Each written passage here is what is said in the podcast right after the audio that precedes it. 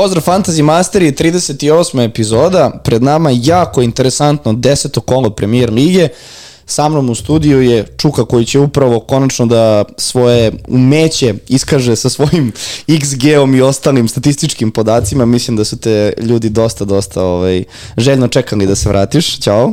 Ćao, ćao, kako si? Evo, brate, odlično, ovo deseto kolo vana kako kreće uskoro, ja ne znam, znači nikako da, da se veže neka subota, da imamo prazan petak, stalno se nešto kreće u petak ove sezone, ljudi koji ne znaju, to je nama pa, ništa epizoda sredom se snima, sada ćemo i danas da je okačimo, tako da... Tako je, a pre, to je. pre toga da se svakako zahvalimo našem sponzoru Admiral Betu koji je tu uz nas, daje nam vetar u leđe i bez čije pomoći ne bi uspeli na ovaj kvalitetan, nadamo se, pre svega način da, da, da, da priuštimo vama da pratite fantazi i da makar neku interesantnu ili pametnu informaciju izvučete iz svega i da će vam značiti za, za, za vašu fantazi ekipu ove sezone.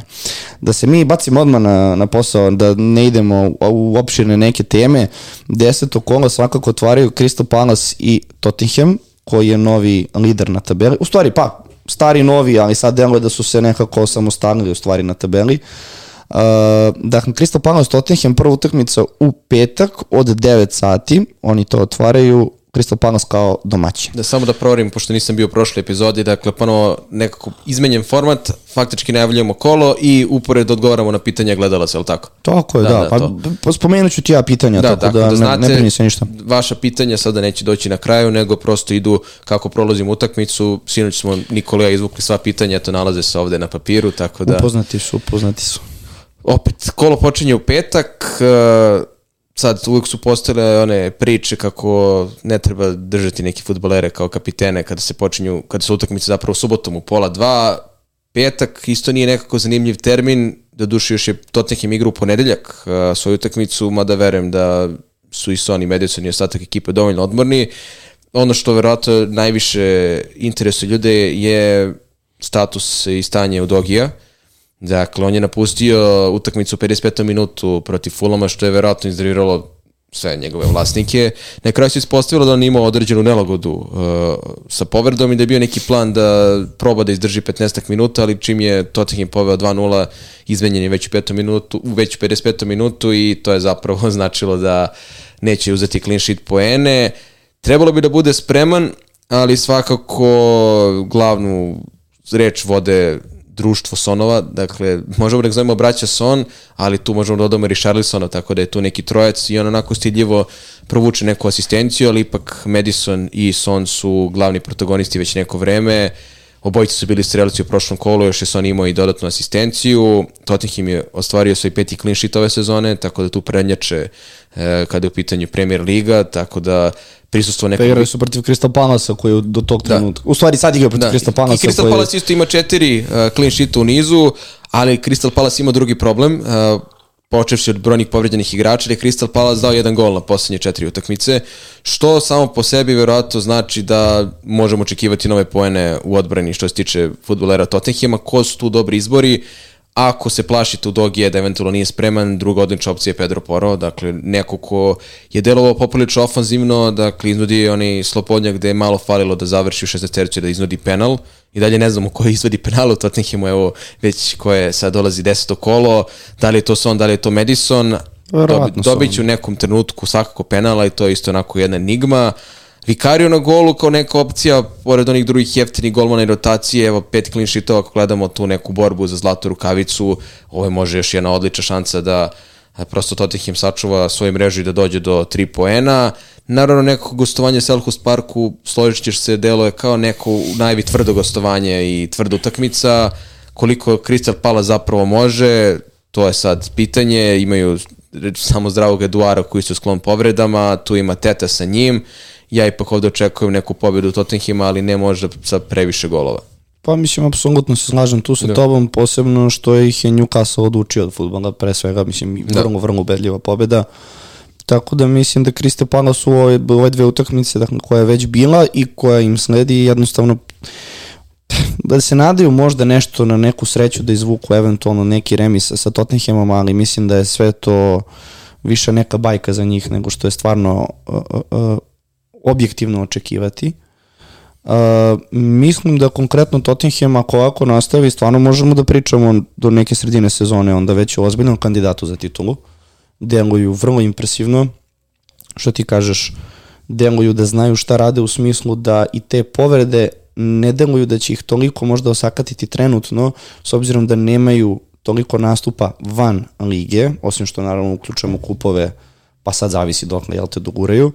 Deluje da ih je trener ozbiljno, ozbiljno namestio, sad kako to I od ovih objasniti, I od ove uslovno rečeno velike šestorke koje se malo proširilo sa nekim drugim uh, klubovima, dakle nisu odigrali utakmicu sa Manchester Cityjem, to će biti jedan ozbiljan test, bez obzira što i City da. ima svoje određene probleme.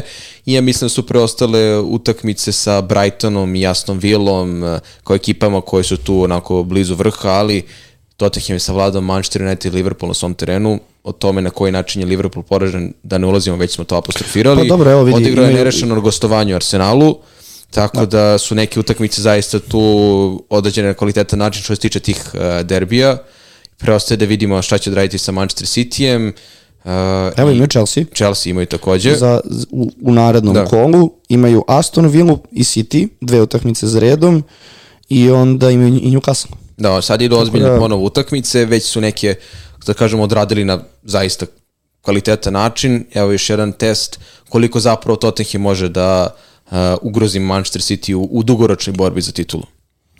Dobro, samim tim, evo, ovaj, imamo i jedno od prvih pitanja koje bi ti izvukao, svakako to da li je Tottenham sa ovom formom ima šansu za titulu i top 3. Tu, tako sam i krenuo da, sa tim pa pitanjem. Nekako i dalje mislim da je jako prerano da mi uh, već sada uh, izdvojimo neke kandidate koji mogu 100% se bore za titulu. Dakle, jer Arsenal negde do januara, februara stidljivo se pominjalo kako je realan kandidat za titulu. U jednom trenutku jeste postao, ali već na, kako je dolazilo proleće bilo jasno, naročito nakon onog derbija sa Manchester Cityjem da neće uzeti titulu. Svakako mislim da imamo par klubova koji su kandidati za top 4 koji su se realno iskristalisali kao timovi koji će, ako išta, voditi neku borbu za uh, ta tri mesta za titulu još možda je rano, ali uz Manchester City, Liverpool i Arsenal, to su da kažemo četiri tima koje realno očekujemo da vode bitku za prva četiri mesta. Trenutno što smo videli posle ovih prvih devet kola, dakle na četvrtini smo sezone, imamo četiri tima plus ove, da kažemo, i Aston Villa i Newcastle koji igraju sjajno, ali opet mislim da oni nemaju kapacitet da iznesu celu sezonu da budu legitimni kandidati za titulu, a i verujem da će se zadovoljiti sa nekim tako plasmanom makar u neko evropsko takmičenje. Ja volim da kažem da je 15. kolo presek stanja, Otprilike da. tako neko gledam. Božić de, katolički. Da, pa da, da, otprilike. Ali kao 15. kolo, ok, tu već vidiš ko je od tih 15 utakmica uspeo da, da se iskristališe na vrhu i na dnu tabele svakako. Tako da da, delo je za sada da su to Tottenham City, Arsenal i Liverpool. Da li mogu do titule, to je sada, što ti kažeš, ozbiljno, ozbiljno pitanje, jer uh, moraju da pokažu jedan kontinuitet, kontinuitet na stvarno duže staze, jer znamo da Liverpool može, City može, a i Arsenal je imao svoje momente kada mogu da vežu preko 10 pobjeda za redom. I u toj situaciji to je jedino pitanje da li Tottenham možemo da ubacimo kao četvrtu ekipu u tu priču. Da možemo očekivati tako nešto od njih. A Aston Villa, Newcastle, Brighton, mislim ja gledam sad tabelu, ovaj, ok, United je na osmom mestu, sad to će se sve menjati, vratno tokom sezone. Chelsea između ostalo. Pa mislim da, da Chelsea je na desetom, ali u suštini tu je sada pitanje, vidi, Newcastle, Aston Villa trenutno ti ne možeš, evo odigraju sada Aston Villa United, realno kome Na Villa Parku, boga mi... Pa to ti kažem, kome daješ prednost, to je, to je ozbiljno Teško pitanje. Teško da ne bih dao Aston Villa prednost kako igraju na svom stadionu. Tako je, ali na duže staze, da li očekuješ da će Aston Villa biti iznad United, da primjer radi? Verovatno... Možda trenutno da, na osnovu partije koje vidimo u poslednje vreme, ali kao nekako dugoročno da baš zamislim da oba tima mogu da nastave da igraju tako loše i tako dobro. To ti kažem, da, nije, ni, nismo sigurni, prosto ne da. možeš da očekuješ nakon devet utakmica odgovor na takvo pitanje, da. ali da, trenutno Tottenham, City, Arsenal i, i, i Liverpool. Ili imaš neko pitanje? Teže. Pa generalno su ti pitanja Madison i Lisson, dakle, da li obojica, obojica. Ima i to pitanje, da. da, li, da li ići sa obojicom, ali pretežno da. Koga pre? Son ili Madison? Uh, Može bih pre birao Sona pre svega zato što očigledno će da igra na poziciji devetke, a obojica se vode kao igrači sredine terena na fantaziju.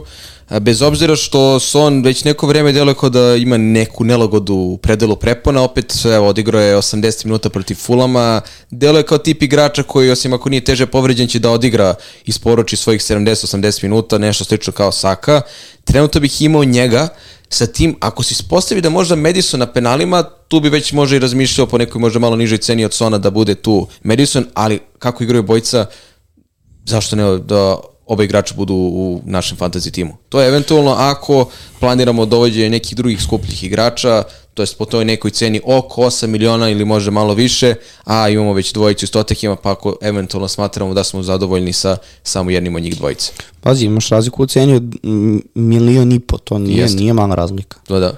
To je nešto što, što na primjer, Madisonu daje prednost u toj nekoj konstataciji, ako neko hoće da dovede nekog skupljeg igrača, potrebne su mu pare, to je vjerojatno Son. Kao za što za ovo kolo već vidim dosta e, razmatranja da se Son pretvori u saku pred e, domaćinstvo Sheffieldu. Tako je, to je, to je bukvalno sledeće pitanje da. koje, koje sam hteo da postavim, ali ne samo Isaka, nego situacija da ti ako juriš novac za, na primjer, jednog uh, uh, uh, Watkinsa, Sona može pretvoriš u Gordona Neta ili nekog još jeftinijeg igrača na sredini terena i da ti je vjerojatno moguće da imaš Watkinsa, na primjer. Tako je. Tako je. Uh, dobro, vidi, znaš kako, generalno uh, dosta pitanja ima za Da. da. Tottenham, ali manje više sve se vrti oko iste teme. Pretpostavljam da je jedno od pitanja sigurno stanje u Dogija. Uh, si, nije, nije teža povreda. Pored toga, to su, da, pitanje sa povredama, ali da, da. Morat ćemo da sačekamo svakako konferenciju za medije, ali ja verujem da ako, Ne deluje ništa ozbiljno, ne deluje ništa ozbiljno da će verovatno igrati biti starter protiv Crystal Palasa. Stvarno deluje kao Da. predostrožnost, čak, ok, iako nije nešto sada krucijalno bitno, ali ni u fantaziju nije, nije označen kao povređen. Da, i verujem da je bilo pitanja Pedro Poro u Dogi, Stvarno, Kario. to se vrti da, Sva, svako kola. Da. Ja, na primjer, imam Pedra Pora. Uh, pre svega mi se sviđa njegov utice uh, na padačkoj trećini, to jest na protivničkoj trećini terena. Često mi deluje kao da se on uvlači u sredinu, dakle da je aktivan kako na polju odbrane, tako i u polju napada, da njegova, njegova kretnja i njegova igra sa loptom često može da proizvede da li neku asistenciju ne, ili neki gol, dakle već je imao određeni učinak ove sezone i Tottenham defanzivno zaista deluje korektno, imaju pet sačuvanih uh, mreža, to je clean sheet ove sezone, to je sve što se boduje za fantasy defanzivci, to je bitno i neko ko je stalno blizu bonus poena, on je sada ostao prvi ispod granice bonus poena na utakmici protiv Fulama. Tako da, Ne znam da li se sećaš kada je on došao u Tottenham, ti si ga spomenuo Ja onako ga kao spomenuo. kancela Vol 2. ovaj čovjek pamti kao slon, ali kao slon. Znači ti nisi imao pojma šta će ja Ali sad... od- otprilike se tako i nešto igra. Dakle, Ali nije, on, nije zakucan za desnu Tako je. stranu terena, niti je zakucan na svojoj polovini. Prečesto ga viđam ovde kako imamo ovaj teren, kako ovde igra u toj nekom e, poluprostoru. Tako da mislim da je isto, ako ne mogu da kažem da je bolja opcija od Dogija, možda malo zbog cene, ali ako neko planira da ima neku defanzivca Tottenhima, ja bih preporučio isto Pedro Pora. Ako neće da ima Dogi jer se plaši možda da neće igrati protiv Crystal Palasa. Sa druge strane imamo pitanje za Eduara, naravno, s obzirom da je dosta popularan. Pa čini mi se da nije trenutak da se Eduard ili bilo ko drži iz Crystal Palace, eventualno neki defanzivac, ako mi računamo da će Guehi, Gay ili kako se već izgovara, Andersen ili Johnson da sačuvaju mrežu, jer Crystal Palace je mnogo veći potencijal za clean sheet poena nego da, neko, da se neko nadaje golova. Imamo situaciju, dakle, nema ni Olisa, nema ni Ezea, jedan gol na, na posljednje četiri utakmice zaista nisu argument da se dovede bilo ko da nije neki defanzivac iz Crystal Palace i zaista mislim da u ovoj situaciji da imamo i Watkinsa koji igra sjajno i koji imamo, imamo i Alvareza i drugi napadače da trenutno Eduard osim nekog hrabrog diferencijala opet ima malo skuplju cenu od one najniže 4,5 miliona nije vredan trenutno. Mm, Dobro, idemo na, na narednu utakmicu, to su uh, Chelsea-Brentford, prva utakmica u subotu, termin u 13.30. Chelsea ovu utakmicu ulazi, ka, kako možemo da definišemo? Iz neke utakmice nekako mi deluje na kraju dana obe ekipe zadovoljne, Pazi, i, i Arsenal i Chelsea. U posljednje, posljednjih par utakmica zaista je primetan primetna bolja igra Chelsea. To mora, moramo da kažemo otvoreno. Ako pričamo o fantaziju, verovatno će jedna od glavnih tema biti Cole Palmer kao neko ko izvodi penale. Apsolutno. Mislim da mu je cena sad skočila na 5 miliona. Koliko Još jedan da u je nizu igrača kada da, prenisko. da se dotaknemo Sona, ako neko hoće da olakša budžet, da dovede nekog, ali da li je Palmer ili bilo ko iz Chelsea zapravo toliko vredan, bez obzira što mogu da naš kod Brentforda mogu da ga pobede kod kuće, nije to uopšte tema, ali da li je neko iz Chelsea trenutno vredan za fantasy tim dokle god oni ne uhvate neke konstantne partije. Ono protiv Arsenala je zaista delovalo dobro. Prvo polovreme delovali su nekako najsmirenije da se znalo ko šta radi na terenu, ali onda jedna greška golmana dovede do toga da izgubiš dva boda, to je da samo jedan bod. Da se ne vraćamo na one čuvene fraze da je 2-0 najopasniji rezultat. Videli smo i gol Mudrika, da li on je bio šut ili centar šut, to verovatno ni on sam ne zna ali iz Chelsea u ovom trenutku, ako bih ja razmišljao nekom, eventualno Cole Palmer kao neka budžet opcija, ako treba da mi se olakša neko na sredini da bih imao Watkins ili da bi negde nekog još dodatno pojačao i eventualno tebe da pitam Visa, Mbeumo, taman je opao hype, da. Mbeumo gol asistencija, Visa gol, Tako sam htio da najavim da. utekmicu, kažem, povratak Brentforda, ali vrlo verovatno kratkoročan samo na, na jedno kolo. Sumnjam da će i Visa i MBM-u imati da, pazi, oni koji, oni, koji nisu prodali, oni koji nisu prodali obojicu pred ovo kolo, ne bih nija prodavao nekog igrača koji mi je donao poenu u prethodnom kolu. Dobro, naravno. Ali svakako Ovde pričamo na duže staze. Da, pričamo na duže staze. Verujem da u tom trenutku i odnosno raspored nekih drugih timova koji su u nekom sličnom rangu kao Brentford, ili možda malo bolje, ali opet da nisu iz e, ešalona najjačih timova, da postoje bolje opcije. Visina najveće prenos je zapravo cena, jer je jako jeftin i može da eventualno slobodi neki prostor za neke drugi futbolere i neko ko će igrati većinski deo minuta, bar dok se Toni ne oporavi, ako Toni uopšte ostane u Brentfordu, ali opet pored Watkinsa, Alvareza, Halanda, previše, previše imena napadača, koji su se istakli da. svakako u različitim cenovnim da. klasama, tako da mislim da, da polako možemo da, da, da za ovu sezonu... Zaboravljamo i Sterlinga koji... Pa dobro, sad se da. šaltamo između Chelsea i da. Brentforda, ali ono što teo da kažem za Brentford je i Visa Mbeumo neće oni do kraja sezone biti neprimetni i da više neće da. postići ni jedan gol. Ali definitivno na, ako gledamo celu sezonu, sigurno ima boljih opcija, da. svakako. Sad i mislim Beumo prave neku razliku, nisu ono apsolutni diferencijali, Beumo je negdje oko 20-25% effective ownershipa, dakle nekom vlasniku će napraviti razliku, neće naneti preveliku štetu nekome i tako to gledam da mogu da preživim Mbeumov gol ili Visin gol, pa upravo a tako. ne bih mogao možda da preživim Haalandov hat-trick protiv Manchester United ako ga nemam ili Watkinsov, Watkinsova dva gola Lutonu. Tako upravo, prosto gledam. Upravo tako, ali ne treba ni paničiti nakon, na primjer, ovakve jedne utakmice da ti sada Ona vraćaš Beuma, Beuma da. ili Visu ili prosto mislim da naravno dešavaće se da. pobede. Brentford je ekipa koja može da pokaže da. to i da iznenadi da izađe hrabro na teren, da. ali u tim situacijama, ako gledamo celokupnu sezonu, a i kad bi je iskidali na, na, na 3-4 utakmice pa gledamo neki raspored, mislim da su ta dva igrača potpuno otišlo u drugi plan u odnosu na ono što smo očekivali od njih na početku sezone. Što to se jest. tiče Vise i Embleuma.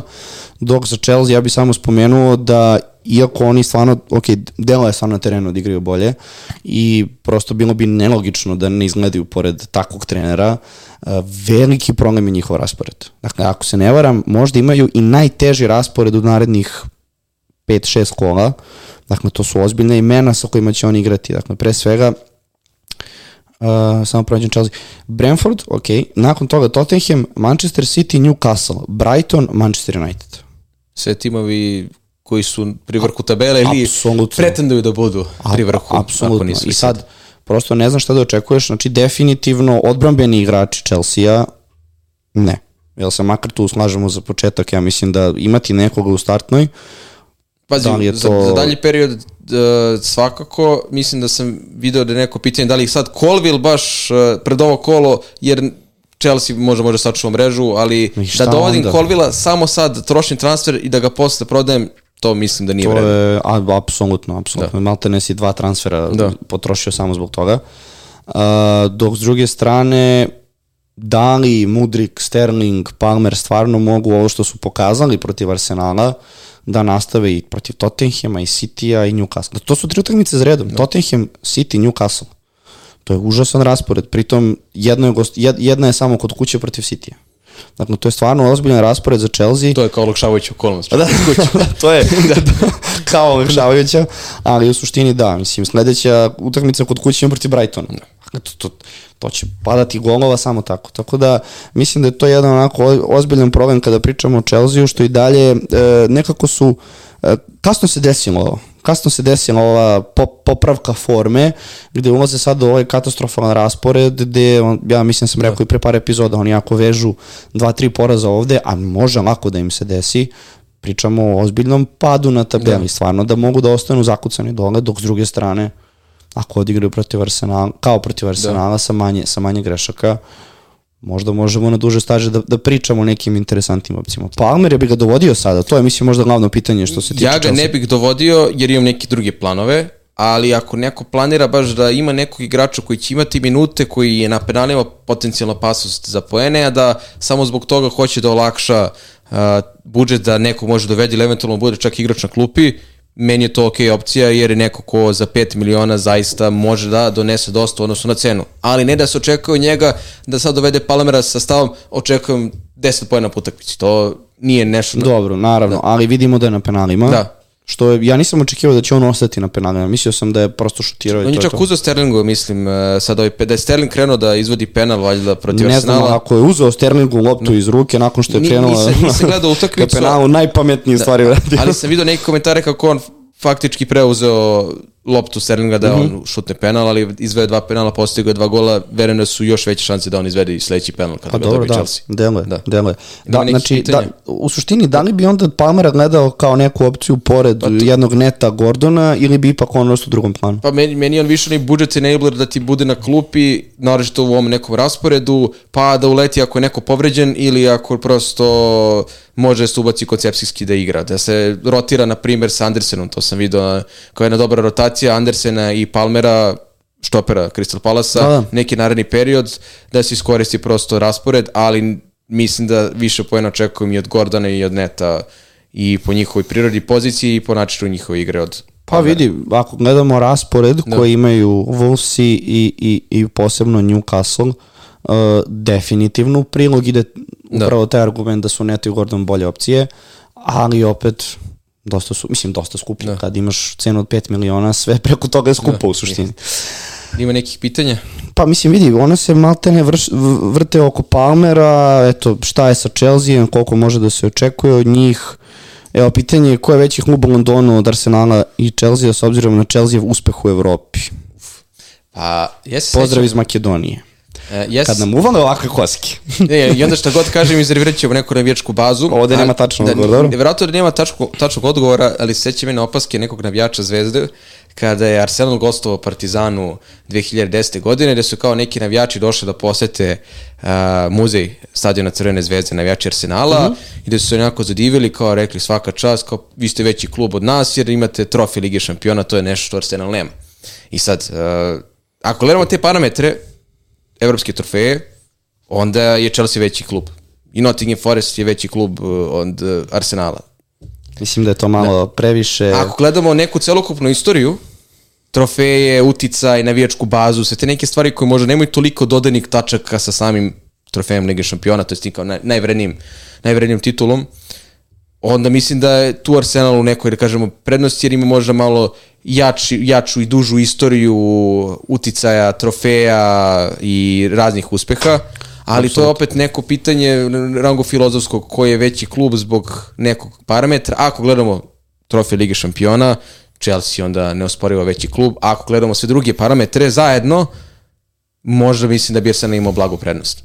Da, pa mislim, znaš kako, ja nekako naginjem više tu ka Arsenalu, upravo iz razloga što ako pričaš o Chelsea-u, realno pričamo od dolaska Romana.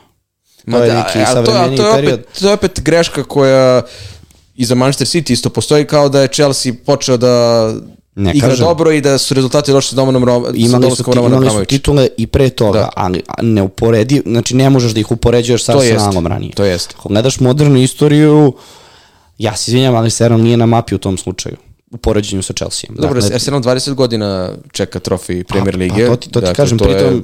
evo, ajde, imao si sada City koji je uzeo, ali do, do, do tog trenutka imao si United koji je uzeo Evropu i imao si Chelsea.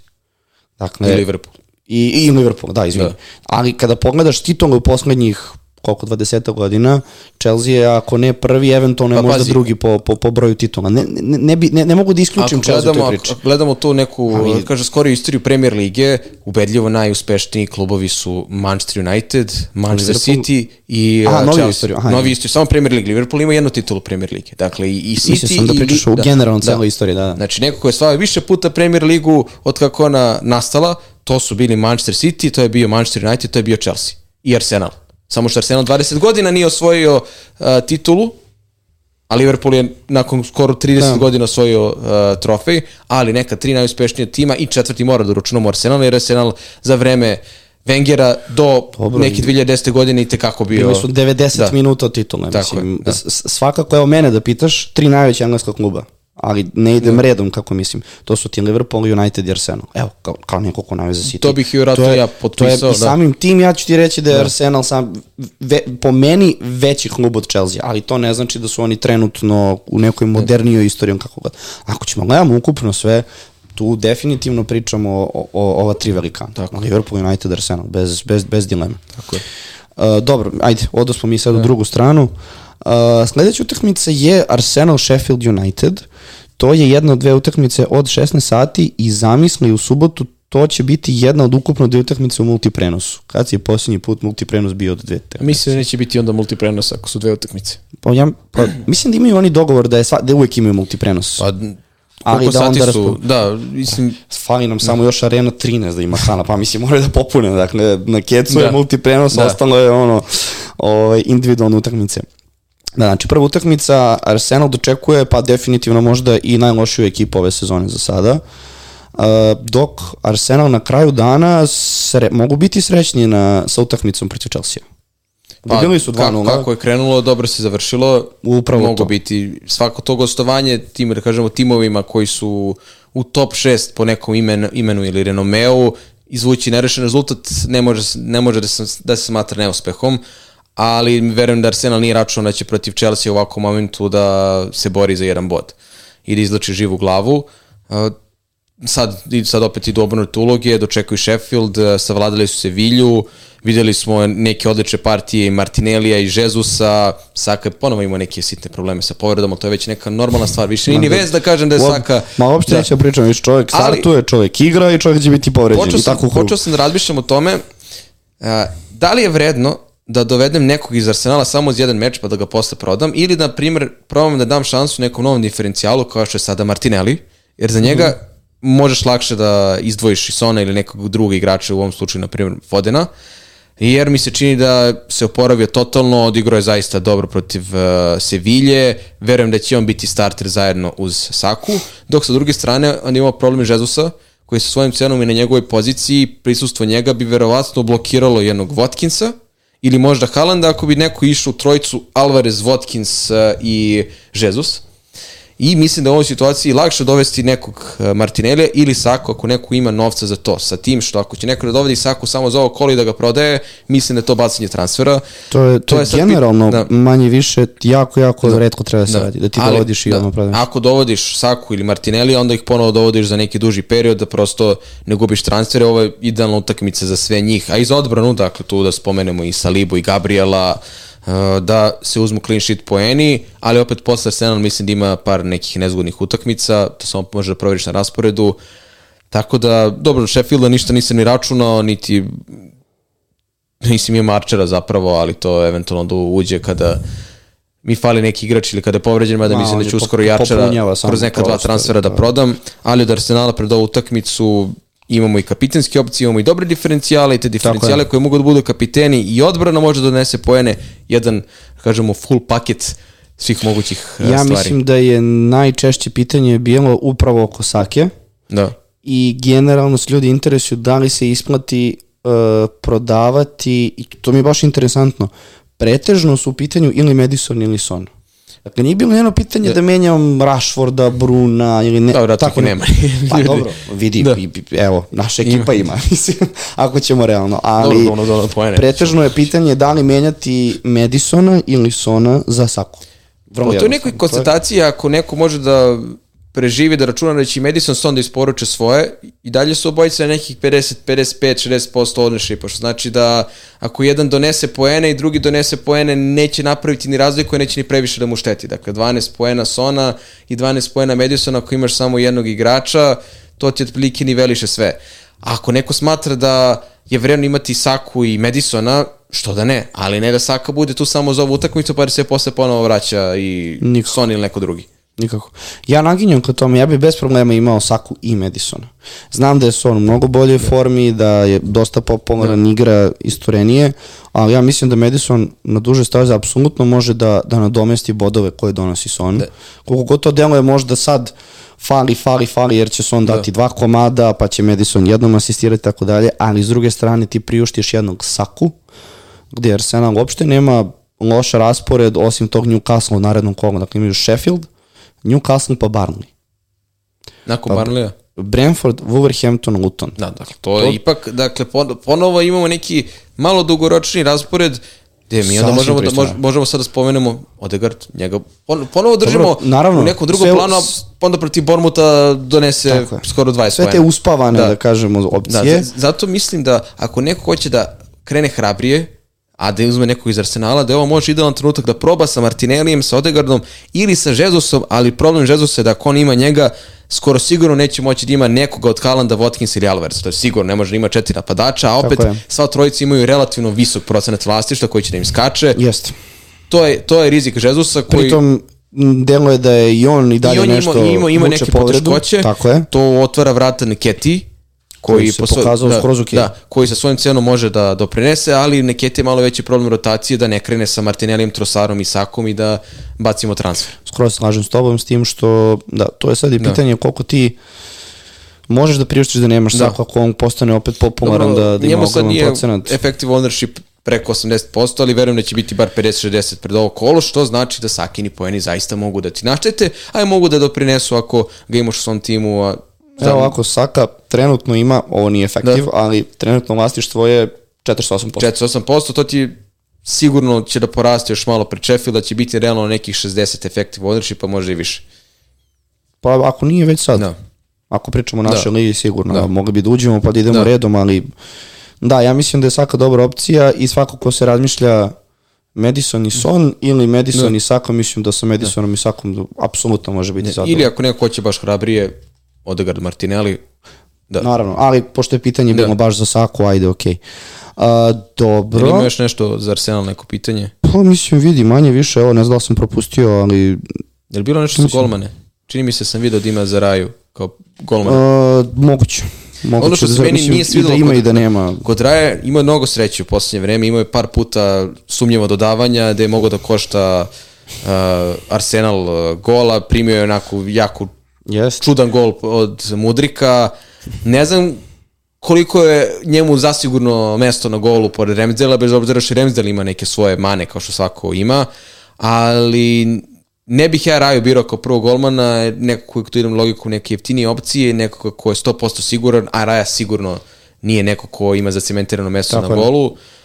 A ostatak odbrane isto su uglavnom sad diferencijali ili igrači koji mogu da naprave razliku, da li će Zinčenko igrati, da li, ali svakako White, Saliba, Gabriel, koji su ustalio posle onakog početka sezone. Eto, Znaš kako, tu je dobro pitanje kako je, e, e, na koji način je Arteta definisao, da kažemo, njihove uloge. Jer imati tako dva dobra golmana, moraš da nađeš neki kompromis. Dakle, ne, ne, ne možeš da mi objasniš da, se Ram, da je Ramsdale ok sa tim da brani samo kupove. Mislim, za njegove godine i za to što može da pretenduje za, za, za, za golmana engleske reprezentacije, posebno za evropsko prvenstvo koje ide, mi malo suludo da se zadovolji sa tim, ali u situacijama gdje ja mogu njega da vidim da igra u premier ligi su upravo ovakve utakmice. Sheffield, Barnley, Luton. ali uglavnom te golmanske rotacije kod tih jačih klubova idu na osnovu takmičenja. Neko brani Ligu šampiona. Redko kad se dešava da se u jednom takmičenju Slažem meša se. neko, da pre, kad gledamo ovaj FA Cup, jedan golman od početka do kraja takmičenja brani dokle god tim nije ispao, na primjer. Slažem se apsolutno s tobom, samo imam utisak da ako uopšte Ramsdale bude ulazio, to će biti ovakve utakmice, iz razloga što protiv jednog Citya kad su igrali, kad im dođe jedan Newcastle, nema šanse da, da Raja ostane na klupi. Jer Raja toliko njemu donosi tim, da kažemo, progresivnim dodavanjima i igra nogom, koju Ramsdale je imao, ali ne na tom nivou. Mislim, on je Dobro, suštini... da je dobar na branjenju gola. Dakle, Naravno, jedan, to niko ne spori, refleksi. ali Nije on samo... siguran sam da nije baš zbog Da. toga došao u klub. Tako da mislim da je on u stvari tražio nekog mini Edersona Da. sa tom igrom nogom, što je on, vidi, on, on se odlično pokazao protiv Citya. Raja je bio jedan od ključnih odbrambenih Da. igrača na toj utakmici bez preterivanja. Jer da imaš golmana koji je slabiji sa nogom na takvoj utakmici, ti si mnogo limitiran i taj pressing koji vrši druga ekipa postaje mnogo efektniji. Znaš, tako da ako se i desi da će igrati Ramsdale, to može biti sad ovakva utakmica, da će Sheffield da se povuče. I onda igra nogom nije toliko učinkovita. Eto, Jasno. vrlo jednostavno. Tako da da, slažem se s tobom, staviti i imati raju, mislim da je to i preskupo, a i vrlo, vrlo po znakom pitanja, pritom imaš i drugi golmane koji će Da. imati po 12 odbrana na utakmici, mislim. Kako su krenuli, tako da ne deluje mi kao popularna opcija. Sledeću utakmicu u istom tom terminu, gde ćemo samo reći kada se igra, ko su timovi i idemo već na onu narednu, to su Bournemouth i Barnley. Jedan six Šta? point, da, mislim, jedan six pointer. Utakmica bitna samo za njih. Ja sam ovde izdvojio eventualno ako neko onako baš hazarderski igra, voli onako neke egzotične opcije, Solanke, Foster iz Barnley, eventualno Koleošo, ali pored svih ovih opcija i futbolera koje smo spomenuli, ili kojima ćemo pričati, morate biti baš hrabar da dovedete neko njih u tim. I to je to, mislim da nema potrebe da se izdržavamo na Bormutu i Barleyu, Mislim, ja, ja, ja se trudim da nađem ne, neku ono, trunčicu nečega što može da nas zadrži, ali njihov raspored koji imaju, znači Barley koji je posle toga igra sa Cityjem Newcastle. Š, kakav crni Solanke, šta možeš ti tu očekuješ? Ništa. Barley tek. Dobro, Solanke je neko ko može da u igri jedan na jedan, naročito pošto je korpulentan, može on da zapreti brojnim protivnicima i davao je neke jako lepe golove. U prošlom golu je dao štiklu petom. Vidi, slažem se, Da. mislim, oni čim igraju u premier ligi, oni će nešto da. uraditi svakako na kraju Ali, dana. opet, Ali- Solanke, da neko stavi na sto, imaš Solanke, Watkins, Alvareza, Haalanda, Pa da, pa, pa, koga, koga, koga izbacuješ, teško da ima mesta za Solanke u ovoj situaciji kada imaš... A, ma, apsolutno, mislim da je on, mislim, ja samo baš me interesuje koliki mu je ownership, evo, to me živo interesuje, ne znam zašto, ali, ma da, nije mi na mapi ovde, mora bi da ga tražim. Ma da, neću gubim sad vreme, ali Nema u suštini dalje, da. pre, pre, pre, Da. premalo, tako da mislim da je ovo samo ono, Da. evo i ovo što sam ja sad odužio s ovim je mi dosta vremena. Da. Sledeća utakmica, posljednja, u subotu je Wolverhampton Newcastle od 18.30. To je jedna utakmica koja me onako iskreno interesuje, jer. Wolves i ovo što igraju ove sezone pod Gary O'Neillom zaista deluje u nekim navratima jako lepo i ako išta zanimljivo imamo neke futbalere koji konačno ako za fantasy mogu da budu vrlo korisni ako već ih neko nije doveo tim, pre svega to su Pedro Neto i Hwang. Dakle, gotovo na svakoj utakmici don, don, donose poene. Nije to sad dvocifreni broj poena, uglavnom se završi na, na asistenciji ili na golu, ali s obzirom koju cenu nose, i tekako mogu da budu zanimljive opcije za nečiji fantasy tim, a dočekuju Newcastle koji nakon onog početnog rasporeda, seti se da smo pričali kao loš Jeste, početak pa sezone, trenutno ig- igraju na nivou tima koji će da se bori za ligu šampiona. Apsolutno. Imaš Trippier koji prosto pruža partije kao što je pružao, pružao prošle sezone. Na I šest, sad će da se oslobodi da, po toj mislim, strani. već neko je- vreme Tonali nije započinje utakmice, još sada kada dobije vratno tu suspenziju 10 meseci, apsolutno neće imati ko da guši Trippier, on će da gazdari, to je da gospodari tom desnom stranom, imamo Gordona koji igra sezonu života i konačno telimično, ako ne i potpuno pravda, taj novac koji je uložen za E, to njega. sam teo da kažem, to sam teo da Znači, toliko je bilo buke oko njega dok igra u Evertonu, gde su ljudi pričali kao daje dva gola, tomu Čemu diže hype? cenu, da čemu hype, ali ovo što on pruža u Evertonu, to jest u Newcastle, zaista je nešto zašto je on doveden i očigledno da je Eddie Howe ili Newcastle to lepo namirisao. Potom čekamo da se vrati Botman, izgleda da ga očekuje još par nedelje pauze, u, Jeste. u njegova neka zamena za duplu odbranu, ako računamo da je Trippier tu najpopularniji su Burn i Share, da li mogu Burn i Share da pokriju uh, Trippier-a da bi se cena Trippier oslobodila da može tih milion, milion i po, dva, eventualno da se iskoristi na nekog drugog futbolera, to je dobro pitanje.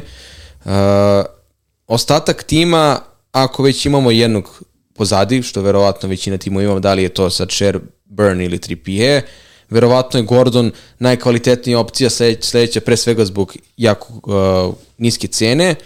Mene, na primjer, buni i verovatno još uvijek neću da dovedem njenog napadača Newcastle, opet pričamo o napadačima, mm -hmm. jer ni Wilson i Isak ne mogu da im uhvate neku konstantu, ne što se tiče partija, da li će oni dati gol, nego da li će oni da igraju uopšte. Dakle, evo sada, sada Isaka muči povreda, pa pre toga Wilson ima problema sa povredom, dakle, sad šta treba da gledamo u pasulju, da li će Wilson ima problem sa zadnjom ložom pred meč, da li će ponovo Isaka da muči e, prepona, trenutno je Wilson starter, dao je gol, sve to super, ali šta ako u sledećem meču Isak počne ili se Wilson ponovo povredi, to mi je jedan veliki rizik i mislim da nije vredno trenutno razmatrati njih dvojicu bez obzira što imaju dobre brojke, jer imamo neke napadače koji će igrati skoro 90 minuta. E, to, to hoću ti kažem, previše se mi vrtimo oko tih da. napadača, a na kraju dana vrlo jednostavno. Imaš tri pozicije koje možeš da popuniš da. u napadu.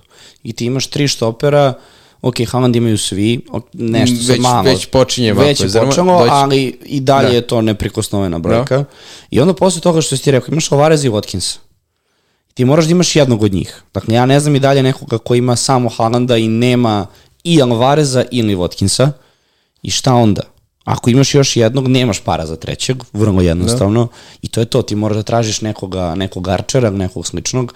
Wilson i Isaci, Solanki, Eduardi, to sve pada u vodu, jer i da hoćeš, prosto aj što ti realistično ne ide, zbog forme, zbog toga kako igraju, uh, Alvarez koji se ispostavio kao neko ko igra stalno, dakle nema problem sa minutažom i pritom svi donose golove, pritom i taj efektor ownership koji je vrlo visok. Da. Ne daje ti prostora za, da. za, za takve kombinacije. Ti ne znaš ni da li bi ubacio Isaka kad bi bio konstantan svaku utakmicu. To jest. Pored ove trojice. Nisi siguran. Ne garantuje ti niko te bodove, a skup je. To je svakako, to, to, da. Generalno, za kog god napadača da pričaš, imaš istu takvu situaciju. Da, imali, imali smo sad na ovom meču protiv Crystal Palace situaciju da je Almiron vjerojatno dobio odmor, i nije da. započeo da. utakmicu, Jacob Murphy to zaista sjajno iskoristio. Almiron je isto neko za koga smatram da trenutno kao diferencijalna opcija može dosta da a, ponudi. Igrao je dobro pre ove utakmice, bez obzira što je ušao posle sa klupe. Pa eto, ako gledamo Newcastle kao tim koji ponovo pruža partije na izuzetnom nivou i odbrambeno i ofanzivno, dakle, prioritet jedan defanzivac, koji, to je već sad izbor, deluje mi da Tripija ako ovako nastavi ne možeš da ga nemaš. Dakle, njegovih 12 poena s jednom asistencijom, on će uvek ući u bonus poene, jer takav je tip igrača. Takav je, da. Ako može da se odbrani s nekim Burnom ili Sherom, e sad, da li duplirati odbranu, nikad nisam bio pristalica toga, jer ako krenu da primaju golove, to su ti već dva igrača koji su izgubila clean sheet poene, ali svakako je opet može vreno rizika ako se čuvaju mrežu. Dakle, Tripije ili neko iz odbrane i Gordon ili Almiron, dvojice mislim da je previše, prednost dajem Gordonu, a napadače bih trenutno izbegao...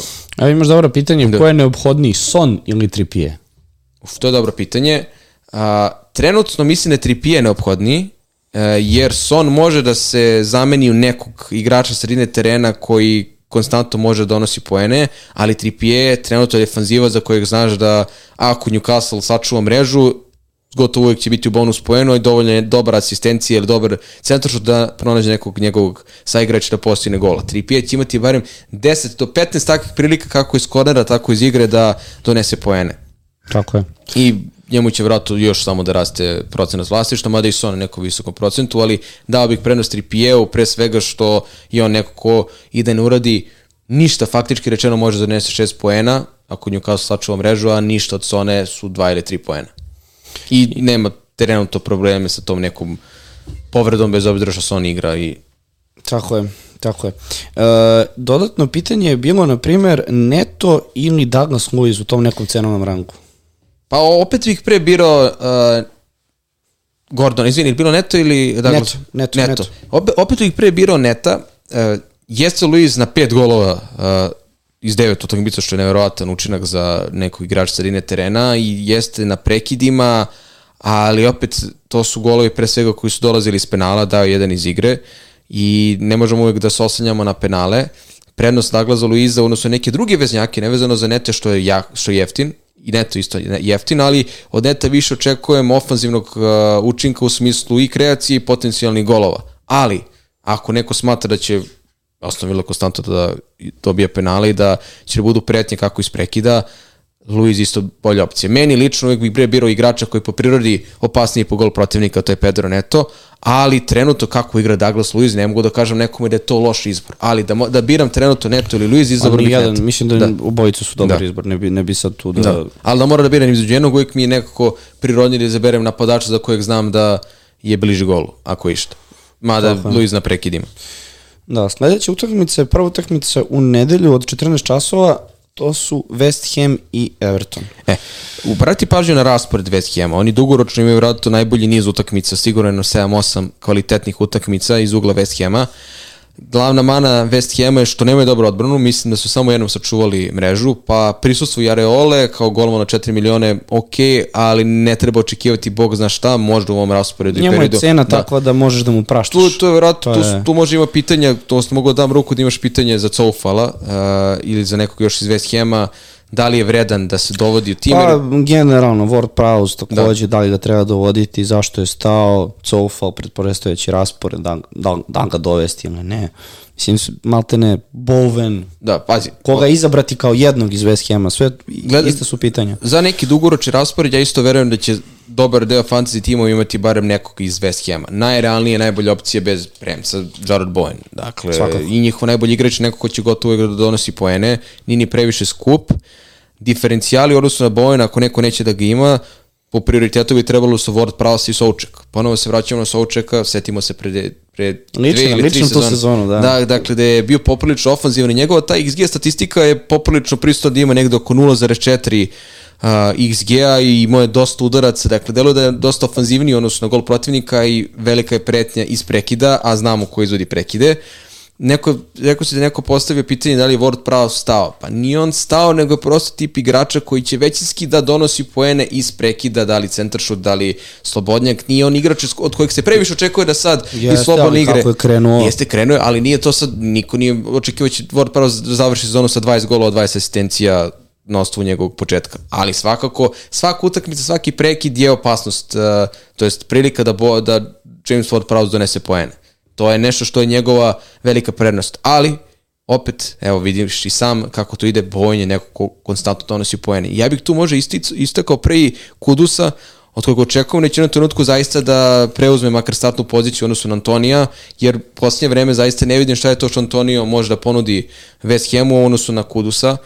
Tako da West Ham u ovom narednom periodu nek se obrati pažnje posebno na njihove futbalere, jer imaju par odličnih igrača koji imaju nizak procenat vlasništva ako nećete da imate Bojana ili ako hoćete da imate Bojana i još jednog veznjaka što je možda malo hrabrije. Defanzivne opcije bih verovatno izbegao ako već imate Areolu, ne treba vam još jedan bek ili defanzivac West Evo, ali dobar raspored dočekuju Everton, prilika za clean sheet jeste, ali očigledno da West Ham nema dovoljno kvalitetu odbranu da mogu da Pa garantuju clean sheet poene. Everton, Brentford, pa Nottingham Forest, pa Burnley. Može tu, može tu, tu, da se izbori. tebi, tebi tu, na primjer, dobra varijanta da imaš nekog iz West Ham jer je jeftin. Dakle, 4-4,5 miliona i da možeš da taj novac za defanzivce iskoristiš na nekog na sredini ili napadu. Da totalno a, tu odbranu rasteretiš, da nemaš, u tom slučaju vratno ne bi imao ni 3 a ti možeš da napraviš jako dobru odbranu, bar što se tiče rasporeda, da nemaš 3 ili defanzivce koji su skuplji od 5,5 miliona, da ne pričamo o daljim cenama i da ti možeš zaista da na sredini u napadu da imaš par kvalitetnih igrača, da imaš i Salaha i Halanda, na primjer, i da imaš još par dobrih igrača ili ako žrtvuješ Salaha, to je bolje rečeno Halanda, već si vjerojatno sastavio ceo kvalitetan tim na sredini i u napadu. Apsolutno. Ja evo ne znam, Da. a malo bi se možda igrao sa tim West Da. Hamom, da dovodim nekoga sada, ako naravno Da. ajde isključimo Bovena kao primarnog tu Da. igrača, ja bih probao baš sa Sučekom. Nekako situacija u kojoj... Nostalgija. Da, i da ga dovedeš i onda da ti donese bodove, odnosno ti tačno da. Da. vidiš neki korner gde će onda skoči metar i po iznad svih. Ili neko i- ubacivanje s drugog plana, Zašto da ne? a reci Tako mi da- od Evertona, ali očekuješ nešto na ovoj utakmici, neki Dukure, Calvert-Lewin. Calvert-Lewin je vezao konačno par utakmica da je fizički zdrav, što je za njega Jeste. vjerojatno najbitnije, ali Everton kao Everton prosto Pa pazi, ja sam ti uvek govorio da je Dukure jako interesantan Jest. igrač i vrlo, vrlo specifičan. I ja mislim da on zaslužuje apsolutno da igra u nekoj boljoj ekipi i ako Everton ispadne ove sezone, što vidi kako je krenulo sad s ovim vestima danas, da će im Da, oduzeti dakle, 12 boda. Čekaj, šta bi, šta bi bilo je kada vest, dakle, da Evertonu preti oduzimanje 12 poena čak zbog kršenja finansijskog fair playa. Naravno, tu su odmah krenule reakcije šta ćemo sa Manchester City i 114 takvih prijava. Verovatno će sve to da na kraju dođe u neku trenutku na naplatu, ali trenutno je glavna vest da je Everton pred ozbiljnim problemom jer oduzimanje 12 poena klubu Pa, koji će bi- vjerojatno se bori za opstanak. Oni bi onda imali u tom trenutku minus 5. Minus 5 poena, što... A Luton je prvi iznad crte sa 5. Dakle, 10 punih poena na četvrtini sezone iznad, zone opsta, iz- iznad te e, zone opasnosti. To ako se desi, imamo vjerojatno prvog kandidata za ispadanje lige, ne zbog situacije na terenu, već zbog neke druge, ali ajde da sačekamo zvanično Da. neku potvrdu. Ali ne bih se sad držao A, Evertonu. U suštini, hteo sam samo da kažem, kada bi se desilo i da ispadnu, mislim da je Dukure jedan od prvih igrača iz te ekipe koji bi možda pronašao mesto. U vidi- nekom osrednjem timu Premier Lige vidi, bez problema. Ja, ja apsolutno njega mogu da zamislim i u jednoj Aston Villi, i u jednom Brightonu, i, i, i, i ne znam, evo, kreni redom, može da igra za bilo koju ekipu od takvih timova. Stva- Stvarno bez problema. Pritom, ja mislim da si ti izvlačio jednom, on ima jako lepu statistiku u stvari. Za On je faktički najbolji napadač Everton ove sezone. To ti kažem, U a- svaku, svaka statistika što, što se tiče napada ide njemu korist, jer je i na golovima i na asistencijama, bez obzira što nije, nije veliki broj, ali u nekom tom malom svetu Evertona on Ogroman tu... potencijal. I žao mi je što jednostavno ne donosi na kraju dana Da. te bodove, da bude makar lepa opcija u fantaziju. Ali opet kao nekog iz Evertona da imaš baš zelo onako neinspirativno. A, apsolutno, apsolutno. A kad smo kod inspiracije, Aston Villa Luton. Kako je da napravio prenos. Pa da, to su, to su naredne tri utakmice od 15 Tu časova. ja verujem da ima najviše pitanja za Aston Villa, pošto si spomenuo Douglasa Luiz, Douglasa Luiza. Pa možemo redom da idemo od prilike Da. svakog igrača Aston Villa, Pazi, ali kako, prva stvar, kako Douglas da... Luiz, Da. Diaby, Cash, Watkins, očekivanja Aston Villa. Da. Kako To da je- ne odoliš trenutno Oliju Watkinsu koji ima pet golova i osam asistencija posle devet kola. Dakle, brutalno. to, su, to su brojke na nivou Salaha. Salaha najboljih futbalera. Onda Henry je imao takve brojke da je imao dvocifran broj golova i asistencija. Dakle, ovo što on pruža, prvo igraju na domaćem terenu. Ja sam ubiđen da je gostovanje na Ne samo Vila- to, nego još igraju protiv Lutona. Da, pazi, domaćinstvo na gostovanje Vila Parku u ove sezone mi delo će biti top 3 najteže gostovanja, dakle, da Tako se je niko neće da. provesti tamo lepo. Uh, e sad, da li je vreme da imamo svu trojicu, tri futbolera iz Aston Ville? Ako je neki trenutak za to, ja mislim da je to ovaj naredni period. Evo, evo raspored. Da. Luton, Nottingham Forest, Fulham. Da. Pa imaju Tottenham i onda imaju Bournemouth i to je onda kraj. Da. Pauza, idu svakako- City i Arsenal, to je već... Ako računamo da su tri kola dovoljno da se odradi neki specijal s tri futbolera Aston Villa, ovo je idealna, idealna situacija da imate tri futbolera Aston Ville, gde 99% ne može da se zamisliti tim bez Watkinsa, sedam- 70, da kažemo manje, 60% ne može da se zamisliti bez Diabija ili Luiza, jer mislim da je malo kompleksnije imati dva, dvojicu na sredini Watkinsa, bolje da imaš... Ja, ja mislim, ako imaš Watkins i Diabija, nemaš ti novca za trećeg. Da. Tako Mislim- da tu jedino Luiz Da. može da dođe kao druga opcija da bi, da bi leteo ili, cash. ili Cash, pa ne možeš četiri futbolera Aston Villa da imaš, tako da imaš Watkinsa, Diabija i Casha, A ne, ne kažem bez Diabija. da, bez Diabija, da. Jer ne možeš... A... ali eventualno Cash i Diaby neće biti diferencijali, ali neće imati ni procent vlastišta kao Watkins, naročito jer će Watkins sigurno imati dosta kapitanskih traka na svom imenu.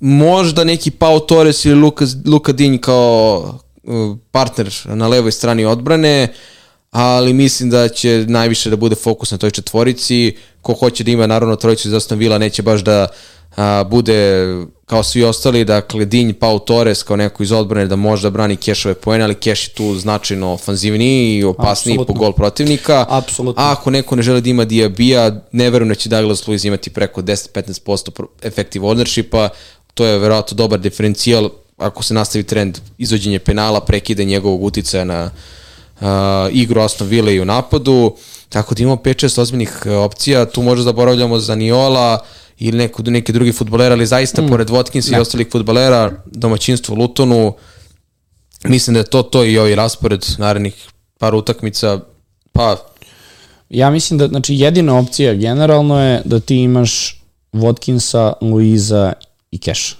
ako hoćeš tri igrača.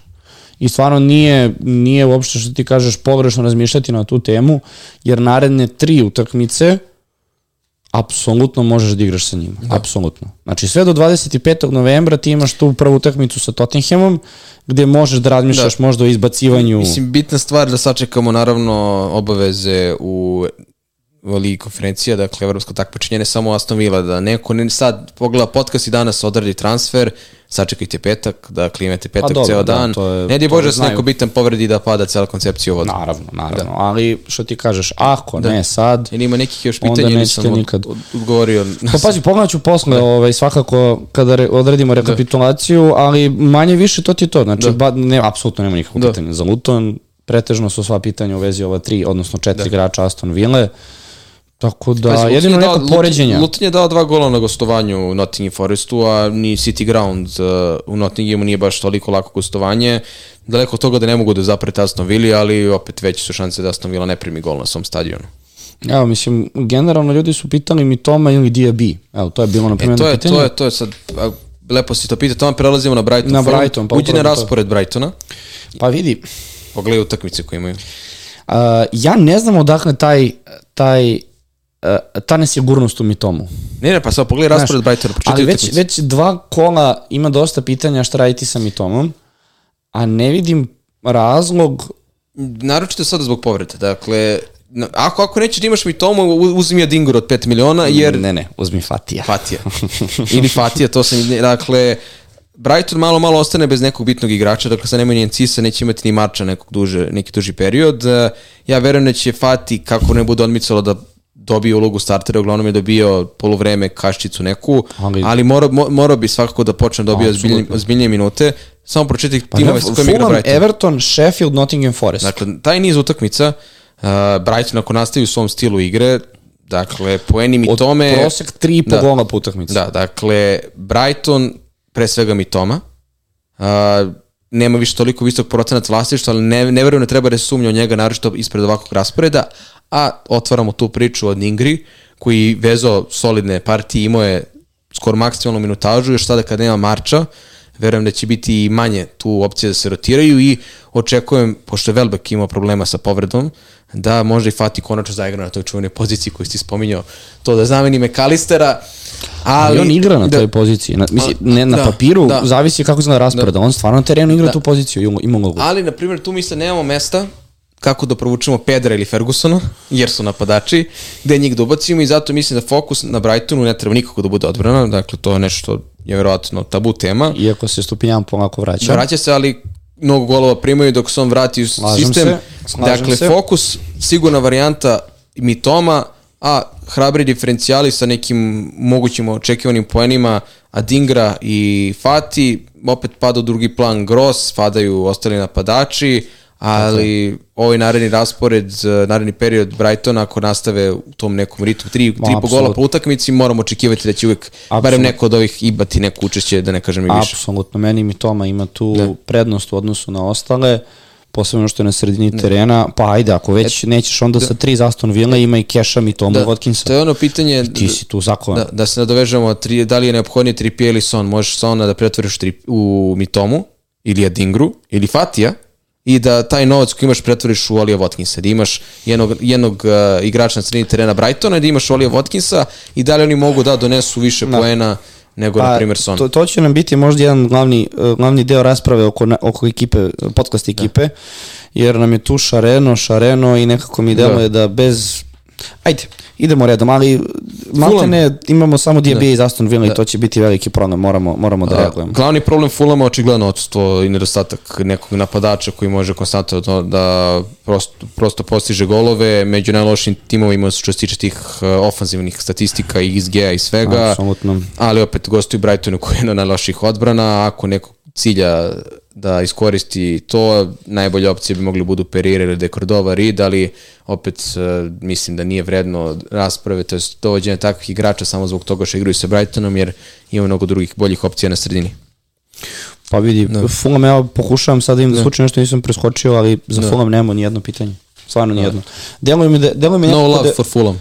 Pa da, deluje mi od odlaska Mitrovića da smo ih stavili u... u, u Dobro, oni, su- oni su lepo kumovali tome, niti igraju nešto preterano atraktivno, Tako je, ali nekako, nekako su mi- neprimetni. Upravo tako. Posebno iz ugla fantazija nekako su mi zajedno u ekipici sa, sa, sa Bormutom. Da.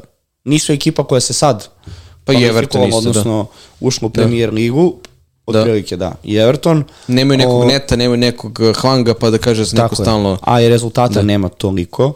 Ovaj, tako da, znaš, rade tamo koliko je potrebno da, da, da, da zadrže tu neku poziciju, ali apsolutno niko da se istakne. Da. Koliko je Perira bio interesantna opcija prošle Da. sezone, bože, mislim, a evo ga sad, ni na mapi.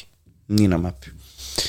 E, dobro, to je svakako možda i naj nekako, pa dobro vidi, i Aston Villa i Brighton imaju izuzetno, ajde da kažemo, laka, uh, laki utakmice kod kuće, očekujemo tu pobede, a možemo tu da priključimo i Liverpool, to je treća utakmica 15 časova u nedelju. Liverpool, gde- Nottingham Forest. Da, tako da očekujemo Nottingham Forest. Salah ima sjajne brojke.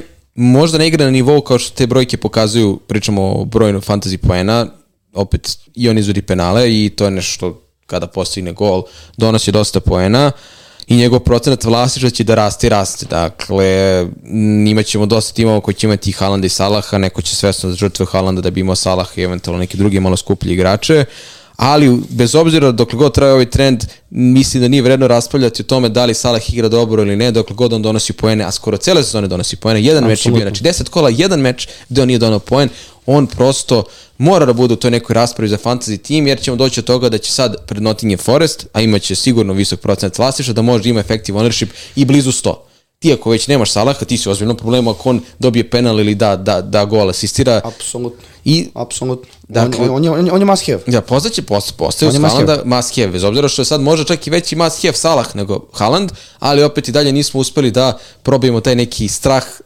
ići bez Haalanda, a doćemo posle do te utakmice. Ma, mislim da je Salah prvi must Da. have, drugi must have, trenutno Da, za moja sada, pretpostavka- okay, Haaland i- Trippier. To su tri igrača da. koje moraš da imaš ako, ako, ako si u stanju. I to, to hoću odmah da, te zaustavim.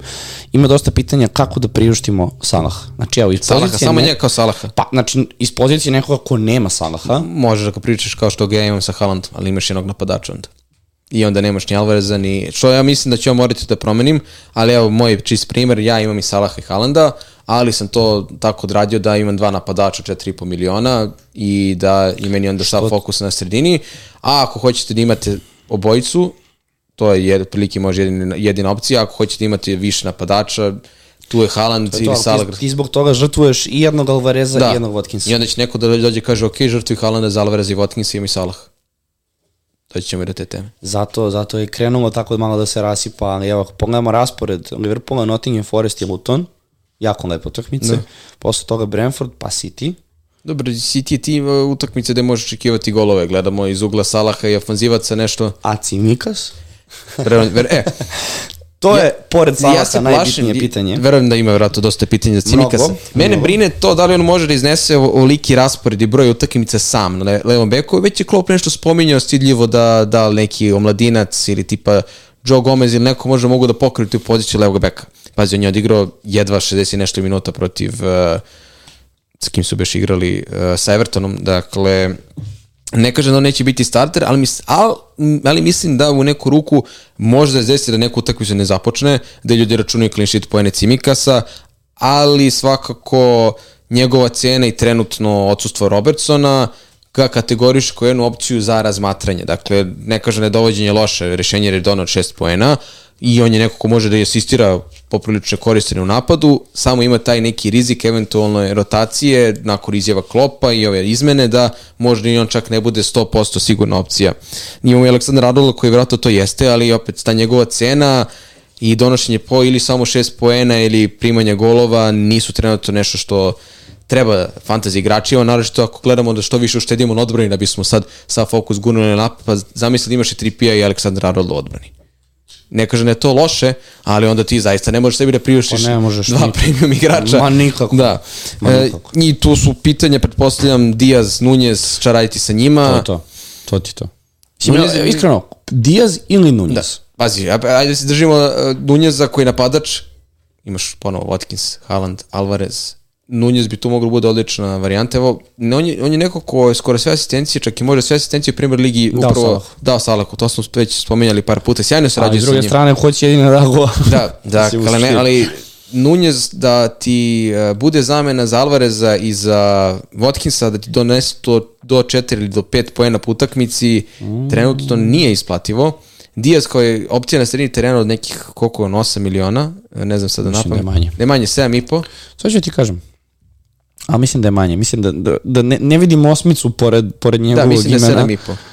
Uh, Dija 7,5. 7, da, 7,5 miliona, Skroz okej. da, što, to je okej, ali da imaš i Salaha i Diaza, ti već onda gubiš opciju za neke jeftinije opcije, poput, ne, ne u smislu jeftinije, nego neke druge opcije na sredini terena od ovih klubova koji imaju dobar raspored.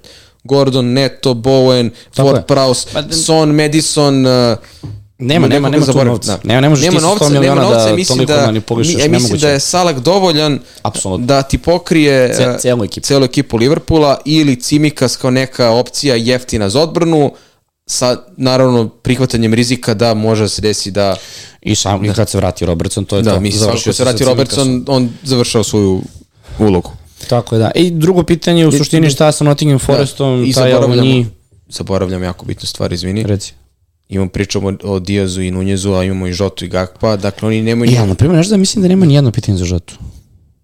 Baš Ne, ne, ali nijedno. pričam ti o tome da vrlo lako može se desiti da Diaz ne počne utakmicu. Da Diaz, Diaz ima tu vjerojatno u Salaha najsigurniju minutažu, ali niko ne može da... sigurniji od Nunjeza da, svakako. Da, ali niko ne može da garantuje da može da počne sa Diazom na klupi, naročito kada idu reprezentativne pauze, imat ćemo još jednu u novembru. Dakle, tu je Salah fiksiran na desnoj strani i imaš još četiri igrača koji se faktički bore za dva mesta.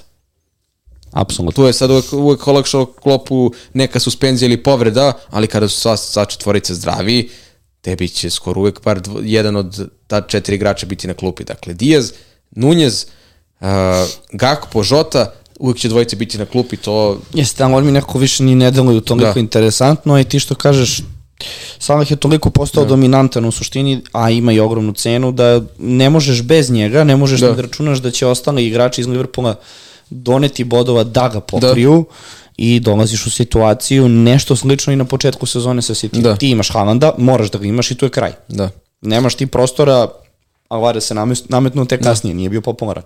Mislili smo da neće ni startovati, odnosno da neće ni imati ni po 15 minuta po utakmici, a na kraju, ok, druga No, zamisla, da. tako da... Nottingham, je to situacija. ovo ni, očekuju ga pauza, mislim, negde do polovine novembra. Nisam E, najbolje razumio. Piše, sad sam proverio zvanično, zvanično, Da. na fantaziju, znaš koliko je Da. to, mislim, do 5. novembra, u suštini u prevodu 10. Sledeće. 11. kolo Da. propušta. Znači, naredne dve To utakmice. povećava šansu za clean sheet Liverpoola, naravno Svakako. ima Nottingham sa čime da da zapreti, Elanga je bio odličan, Chris Wood je postigao dva gola, a, protiv Lutona, ali opet to je Luton. Protiv Lutona, tako to je. bitna onako mislim zvezdica, ali ne bih se previše fokusirao sada na Nottingham Forest, oni su imali, su, da imali su, imali su svoje šanse, iskoristili su, nisu iskoristili. Ali vidi raspored. Liverpool, Aston Villa, West Ham, Brighton. Da, dakle, Stvarno težak su- raspored. Malo, malo za očekivati nešto od njih, ali ok, mogu oni da iznenade, da u to padne neki Da. go, ali razmišljati o nekom dovođenju kao što si ti o Gibbs White u jednom trenutku, de prihvati to čovječ. Ali dobro, ok, bilo je hrabro, da, bilo je hrabro. Mora malo se da- rizikuje. Mislim da nema prostora više za to I- deseto kolo, već moramo malo se oz- ozbiljimo. Da, kraj kola, E, derbi Manchester. vidi, ja mislim da smo uh, rekordno brzi do sada. Ko, koliko, ga pitamo momku iza kamere, Jed, jedva smo probili sat vremena. koliko smo prošli? Pa sat i par minuta prati me. Znači, Da, rekord. tražili su da smanjimo, eto, I sad ćemo epizode. 45 minuta. Dobro, ima tu treba sastaviti tim, ima onih raznih pitanja koje treba Jeste, proći. ali evo, utakmica, svakako derbi kola, United, Manchester United, Manchester City. Evo ja da pitam tebe, da li se Haalandu, Haalandu drma tron? U kom smislu? Dakle, da li se Haalandu drma fantasy tron u smislu da će masovno da počnu da ga prodaju, da više ne- neće biti ni sasigurna kapitenska opcija, naravno se to stoji dok ne postigne 2-3 gola i kazni sve. Koliko je Haaland dao gola od početka sezone? Prethodne sezone? Ne, od početka sezone. Koliko je dao gola? 9 ili 10, mislim. Eto, odgovorio sam ti. Ko, ko je kola na redu? 10. Pre, e, on je Prošle godine na Etihadu dao 3 gola Manchester United. najveći problem Haalanda je Nedostatak. Haaland. Ne, najveći problem Haalanda mislim da mu nedostaje trenutno jedan Kevin, jedan Kevin da je ipak on njega zaista hranio uh, loptama, malo i promena sistema igre. Mislim, Rodri se, vra- Rodri se vratio, vratio na prošloj utakmici i već je to dosta dalo efekta. City je pobedio jer se ispostavilo čim nema Rodri da Manchester City ne može da pobedi utakmicu, što je nekako bilo nezamislivo. Da, ma, ali, e, Čuka, on ima devet golova. Da. Na, na, devet kola. Ne, ali neko, neko će tu na primjer doći i reći, ok, on će da da jedan gol, doneće 14 poena, ali ako njega nemam, imaću Watkinsa, Alvareza i Salaha koji će kombinovano da, da doneti 30 poena. Da li će? To je pitanje. Da li to će? je- Ja, ja i dalje ne vidim razlog prodavati. Ogromna ja je isto, ja isto, ja, ja se jako je. plašim. Ja sam, na primjer, video jednu jako lepu stvar, to jest jednu ideju, to mogu ovaj vas da pitam. Dakle, u situaciji sam da mogu da prodam Halanda, imam dva transfera i može odim i minus četiri, da prodam Halanda, da, da Halanda pretvorim u Alvareza, da Mubamu pretvorim u Watkinsa i da Fodena pretvorim u Saku ili Martinellija. To je za minus četiri. Dakle, da li biste vi to uradili da ste na mom mestu i da li smatrate da je vredno, bez obzira što ja i dalje sebe ne mogu da ubedim, previše se plašim toga da prodam Haalanda, naročito protiv Manchester Uniteda, sad dolazimo i do Manchester Uniteda koji je juče pobedio Copenhagen, nije ono bilo dobra Si partija. primetio kako uh, kada kažeš City, kažeš Manchester City, a kada pričaš United, kažeš Manchester United. Da, malo ne, se- ne znam odakle. Ne znam, malo, malo razločim, ne znam ni ja. Još jedna onako krajnje sumnjiva partija. Ako bi zbog nečega drago, drago mi je što Harry Maguire igra dobro kako je dobio priliku i kako je i da je Onana odbranio, i da je Onana odbranio penal. E, mnogo se on kritikuje, neka s pravom. Ja mislim da on nije pre svega kriv zbog toga što je on plaćen toliko koliko je bio plaćen. Da je bio plaćen mnogo manje, ne bi se vjerojatno toliko ni pričalo o njemu. A, bilo je grešaka, bilo je užasnih partija, ali on pružao zaista i neke dobre partije za reprezentaciju Engleske. Dakle, nemoguće je da je on za Englesku bio jedan igrač, za United bio prosto neka druga verzija. Da li je to na psihološkom planu, da li je to zbog celokupnog sistema igre, promene trenera, smatram da on zaista nije zaslužio kao osoba pre svega da prolazi takvu navijačku torturu pre svega na društvenim mrežama ali ako mi zbog nečega dragog što ne mogu da kažem da doživljava kompletno kažemo reinkarnaciju i neku novu priču, ali u posljednjih par utakmica zaista igrao korektno, evo postigao je gol i ako misle da je neko zaslužio da se vrati na futbolsku mapu, ne kažem da je on sad štoper koji će ostati upamćen kao najbolji štoper kada da ima neku karijeru da će onako ostati kao najbolji štoper, ne, ne svoje generacije, ne, ni, ni, ni klubova u kojima je igrao, ali svakako nije zaslužio da prolazi kroz takvu medijsku kampanju, torturu, da je on prosto najgori igrač na svetu. Imao je greške, ja verujem da je dobar deo tih grešaka upravo dolazi iz glave zbog toga što on prolazi kr- kroz to što je jel te prolazio. Postavi su tu situaciju Da. da, će njegovo mesto. Da. Da. Koji to pritisak, Da. da. koje je to, mislim... Ali- Ali ovo što mi radimo kad odemo na društvene mreže, kad nešto objavimo, video si ka, kako nekada reakcije Da. budu. Pa zamisli sad da se ti baviš nečim, da, Da da ti si- to posao i iz nedelje u nedelju Jeste. u tebi prave mimove i postaješ oličenje nečega lošeg. Mislim, Ali pređemo na neke druge stvari. Ne igra United uh, ni približno onako kako je neko očekivao. Uh, sad im dolazi City koji je već doživio dva poraza i najmanje što im treba je neka loša partija protiv Uniteda. Da li mi imamo, mi imamo Beše Bruno u našem timu, tako? a meni je to prvo goruće pitanje. Okay, Da, jel, jel to tebi, to? tebi tu sad stvar, mi već od početka sezone pričamo Rashford, Bruno još jedna šansa. Rashford, Bruno još jedna šansa. I onda, kraj. ajde sad pogledaj nakon Manchester City. Ma, pogledaj, ne, samo pročitaj. Ma neću. Ma ne, Pročitaj sa ej, kim igra Manchester Ma ne United. interesuje me. Dakle, Sad igra Fulham, Luton, Everton. ne. Ma ne interesuje Ja, me. ja nemam, ja nemam isto ni Bruno ni Pa protiv- čisto u mom timu, ali zamisli sad prodamo i onda dolazi Ja mogu da imam jedan veto ove sezone, ne, može. Šal, šal, šalu na stranu, dakle, mislim da nije vreno da se, evo, sad će faktički prošla četvrtina sezone, mi stalno čekamo, kao da čekamo Godoa da će A, se brate, pojavi. stvarno, mislim. A, trenutno iz Manchester Uniteda deluje da niko nije vredan fantazija, čak ni Hojlund, koliko se kao očekivalo, ima neki blagi hype da će da donese neki poen, on dalje nije postigao gol u Premier Ligi. Dobro, vidi. Doći će njegov trenutak svakako. Da, Daće ali gol. protiv Ali Manchester City-a mm, ne znam šta mogu da To je očekujem. derbi na kraju dana. Znači i u ovoj situaciji koliko se puta Da. desi da lošija ekipa ili uvek gostujuća Da. ekipa u posljednje vreme uh, uzme bodove uh, derbiju.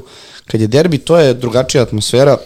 Ali da li misliš, na primjer, za Manchester City da je trenutno došao trenutak gdje imaš samo jednog iz City-a, verovatno Haalanda, ili ako nemaš Haalanda, Alvareza, jer niko ni na sredini terena, ni u odbrani neka garancija za poene, jer uglavnom će da primaju golove, Foden je isto više tiši nego što donosi poene, a za tu cenu od 7,5 miliona može se pronaći neko ko donosi poene.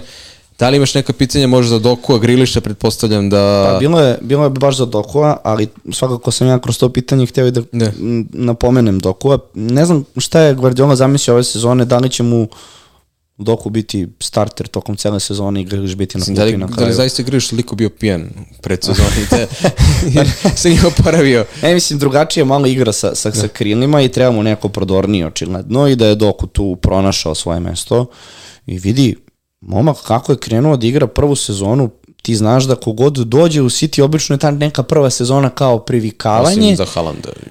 Da. Pretežno, kažem. Da je tu I liga onda- trebalo da se privikte na njega I zapravo. onda sledeće sezone, dobro, da, on je unikat Da. jer je Guardiola promenio i format, svi Da. stil igre zbog njega. Ali obično ti treba godinu dana se privikneš i onda sledeće sezone kreneš da vraćaš neke Da. brojke koje su se očekivale od tebe, dok je još jedan primjer igrača kome očigledno to nije trebalo. On je jako mlad i dalje uči, ali ono što on radi na terenu je za sada izuzetno bitno na terenu, svakako. On je nešto što je City ufalilo od odlaska Sterlinga, ali ne možemo da ga upoređujemo jer je on sa nekim drugim atributima mnogo bolje od Sterlinga. Mnogo, uh, da kažemo, smireniji na lopti, njegov dribling ima neku svrhu i ni, ne trči samo kao, kao lud po krilu i da, da, da, da. Da. pokrije tom nekom brzinom svoje nedostatke.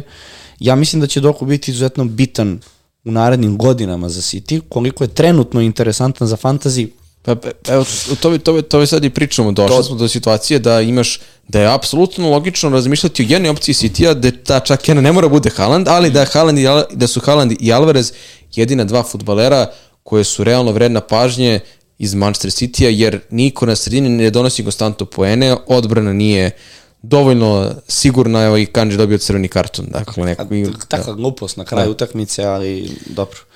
Uh, Ili vidi- imaš nekih pitanja ovih iz teme razno? E, pa, znaš što se stavio samo ti spomenem, uh, vidjet ćemo sad kako će biti pristup utakmici, jer se Stones vratio, Da. ja to čekam celu sezonu već, a ako se ispostavi da će mu Stones, da će mu Stones startovati, uh, i ako na terenu bude formacija od prošle sezone protiv City-a, a ja bi dao sve da se to desi, uh, Čak, mislim- kažem da ne prodajem Fodena, pošto je Foden isto učestvovao sa Haalandom onih šest golova i to i tekako. pa vidi, ja, i, znači imaš I Fodena, Fodena imaš i Haaland- Haalanda. Naprimjer, Fodena onako držim kao da mi je sin ljubimac, jer ga ne, iz nekog futbolskog razloga, ne za fantasy, toliko gotivim. Pa ne znam, da, Foden se na kraju nije ispostavio kao neka Pazi, za, fan, za fantasy da, ali stvarno on, on, kako igra, koliko je bitan za City ove sezone, zaista neverovatno, ali ne može se to gre Pa sa onda dovedi Rodri ako ćemo tako, da, mislim. Jeste. Uh, da, Haalanda treba imati dalje, uh, Alvareza treba ostaviti ako ga imaš, svakako. Ja imam Alvareza i Haalanda i nešto mm, ne bih menjao, posebno sad za derbi, stvarno mogu da vidim goleadu na toj Da. utakmici, ne verujem da će biti ono 0-0, 1-0, 0-1, tako nešto. A reci mi, ko, koga za kapitena okolo? Dakle, imamo jedinstveno To kolo. je, to je pitanje za kraj koje sam, Da. koje ste ti postavim, ali pošto je meni postavljeno pitanje, Pod, Uh, pa vidi, znaš kako, uh, nekako ako gledaš na papiru celu situaciju, uh, ja bi, sta, ja bi opet stavio na Salah. pošteno. Iako Arsenal igra protiv uh, uh, uh, Iako Sheffielda, Aston Villa igra protiv Lutona kod kuće, da, iako Brighton dočekuje Fulham, mislim to je onako već hrabri, ali sve, sve, sve, ajde, ajde da ali, svedemo neke najpoznatije, naj, najpopularnije opcije. Haaland, Salah, pa dobro, to ti uvijek je. Saka, Watkins, Madison ili uh, Son protiv Son. Crystal Palace. To je to. Ja ne znam kako, ja ih Riki naš će napraviti 17 vizualima, stavim 35 igrača, na one predloge za kapitena, neće biti, neće biti za hrabrije u ovom kolu. Dakle, sve su logične opcije, no za hrabrije Ne, ne, će ja- da bude, ne znam, Gibbs, da. Ja, ja stvarno mislim da uh, prošlo kolo isto se Solanke. na kraju ispostavilo da je, da, da je dobro bilo staviti Salaha za kapitena. Mislim, u suštini niko nije se istakao ovo kolo, u stvari Son je imao bolje učenike, tako on imao goj asistenciju. Da, pa Watkins isto imao gole asistencije. Gole asistenciju, tako je, da, okej. I Watkins. Wood imao dva gola. Ali, Eto, dobro, sad, Chris ajde, Wood, nemoj piše da me, Chris Wooda. nemoj da me zezaš sad, ali e, iskreno, ako uzmeš u obzir da, Da. Salah stvarno ove sezone konstantan, ja ne vidim razlog, posebno protiv Nottingham Foresta, da Salah Jo, bude naj- kapitan, i najviše- to kod kuće da. još, mislim, stvarno, stvarno, Najviše stvorenih šansi u devetom kolu, ok, Bruno, očekivano, Musa Diaby 4. I par navrata je Watkins mogao da to realizuje. Ali to je stvarno za hrabrije. Da. Son 4, ne, Madison 4, Neto 4, Ward Prowse 4. Čuko, to je stvarno za hrabrije. Ne, ne, jesno, nego čitam ovako sad statistiku, najveći XG kod napadača u devetom kolu, paziti ova imena. Wood, 1.78, McBurney, 1.26, Visa, 1.22, Neil Mope, 0.97, Ogbene, 0.78. znači, A, taj XG, koliko god je XG dobar, je toliko ovo, ovo je znači goal involvement. Toliko je loš. Mislim, evo, pogledaj jeste. XG pro, pro, uh, prošle večeri. Ne, ne, sve to, sve, sve to apsolutno Liš stoji. šampiona. Mislim, taj XG stvarno ne mora da preslikava XG situaciju sve ostalo, na, naravno. na terenu. Jeste interesantan podatak, slažem se apsolutno. Ali, evo, ako mene pitaš, bez razmišljanja, ja bi stavljao Salaha za kapitena protiv Nottingham Foresta. Apsolutno ne vidim razlog zašto neće doneti bodove. Pa sad, živi bili pa vidi. Aj, pa, slažem se. Uh, ima još neki pitanja? vidi, Da. staviti Watkinsa protiv Lutona. Skroz Haalanda protiv Uniteda na kraju, bez obzira što kao... Derbije. Derbi. Derbi. Ja stvarno uvek volim da kažem derbi je derbi i to je drugačije. Koji god daje. Ali ako pričamo o ovom, to onda Reci mi, uh, ćemo ekipu. Je li ima nekih još pitanja ovako iz razno, nam da se ti ostavio Pa nešto? mislim, možemo iz razno, a možemo od posle ekipe, meni je stvarno sve jedno. Pa mislim su prošli ovako pitanje o igračima, ali danas sam ostavio nešto što nema veze toliko sa fantazijom, nego Pa više. ima, ima razno. Evo prvo pitanje je kako znamo odmah po završetku utakmice ko dobija koliko bonusa. Prvo ima na sajtu Premier Fantasy Fantasy ili Premier Lige ima a new.pla gde pl zapravo gde se bodovi računaju u realnom vremenu gde uvek možemo vidjeti ko koliko ima bonus poena i tih poena u bonus point sistemu. Eto, vrlo sam. Mislim da smo čak i izdvojili jednu No, epizodu i objave i sve smo pričali o tome, ali A, svako ne Standardno zna. pitanje kako smo. To je oni toše. Tako je, e, pitanje zašto Vojn nikad nije u podcastu. A, Vojn uvek može da dođe i da, o, pa ni, ne, ne da gostuje, Vojna. nego da, Pitajte Vojna. da snima sa nama, ali bukvalno odgovor na naše pitanje je pitajte Vojna, ali dobro, mislim, o, svako ima svoj Da. posao, to smo baš ja i Relja pričali u prošle o, epizodi, jer ljudi naravno da ne znaju podelu, Da. jer nemoguće da jedna osoba radi sve, tako da ovaj, Vojn se tu nekako profilisao kao čovjek, ne, Iz čovjek senke. iz senke, ali da, u suštini, pa da, Da. čovjek iz senke, to vrlo jednostavno. Uh, pitanje, najbolji igrači za odbranu za FPL, Pa i to smo apostrofirali uglavnom, ako priču uopšteno nevezano za sezonu, to bi trebalo da su bekovi koji igraju dobar deo minute, koji su ofanzivni, a sad u ovom nekom narednom periodu pa može Cash, može neko iz Tottenhama, ima tu opcija, to su manje više već prošle pa da ne ponavljamo. Uh, kviz u kojem smo pričali baš prošlu epizodu, da li je samo u BG-u ili možda u nekom drugom gradu. Pa ne znam šta ste pričali, tako da nisam stigao gledam epizodu. Eto, znači nije gledao epizodu. Fantasy Master nije gledao. Fantasy Izvin, ja Master sam, je... ja sam boravio u Poljskoj prethodne nedelje, samo Ajde, nisam bre, mogao da stignem. ti je lagano. Uh, pa mislim, vidi, znaš kako, trenutno, trenutno je dogovor da bude samo u Beogradu, Ali ako budu logistike prilike negde van Beograda, što da ne? Tako je. Ali sad ja razmišljam, to je malo veća lo- logistika, ali da, kad bi, kad bi znali da možemo Kada bi da, nam da, se javilo 100 ljudi da hoće dođe u nekom drugom gradu, apsolutno za. Dobro, sad smo malo sto Dobro. ljudi, da li... 50. ali- Da, 12. u, u- u suštini da. Uh, pitanje e, da li može da bude zadovoljan u svojoj drugoj sezoni igranja ako je trenutno u 110k. Apsolutno. Mislim, ja se to vodim logikom da svako treba bude zadovoljan ovim plasmanom, može neko bude zadovoljan ako je prvih milion, da ne postoji tu neka realna odrednica, nema, neće to niko vas da sad ocenjuje da li ste vi loš ili dobar igrač na osnovu nekog plasmana, to može da su brojke, ali ako si ti zadovoljan sa 500 hiljaditim plasmanom, zadovoljan sa milion i po hiljaditim, apsolutno imaš Koliko je pravo to procenat? 110? Ajde da to 100.000, to je znači mislim, 0,1 to je- milion. To, to ti, ako, ako imamo 10 miliona igrača zvanično, to ti je Da, mislim nije, to je na početku 1%, 10, ali kažemo da je, da je u prvih 5% već uh, sa tih 110.000, što eto, je samo po sebi velika stvar. Apsolutno. Uh, I evo mi je baš lepo pitanje i to ćemo za, za kraj pred ekipe, da možemo da izaberemo tim koji bismo vodili u premier ligi, a da to nije onaj za koji navijamo, koji bismo izabrali. Sad ja ne znam da li je pitanje od ekipa trenutno u premier ligi ove sezone, Da, pretpostavljam, mislim, da trenirao bi Norić. pa ne, ali mislim šta, može da bude sasvim ok pitanje Leicester, primjera, Dobro, što da, ne, Swansea. Ali ja, na primjer, iz uh, ove ovog sastava Premier Lige, nekako Newcastle i zbog boja, i zbog navijača, i zbog stadiona, eto, ti? Joj, baš teško pitanje, iskreno. Ovaj, ali, da, da, Chelsea sigurno. uh, m, znaš kako? Ja imam neki afinitet prema Aston Villa, ali iz razloga što sam jako gotivio u FIFA uh, period kada je Benteke igrao.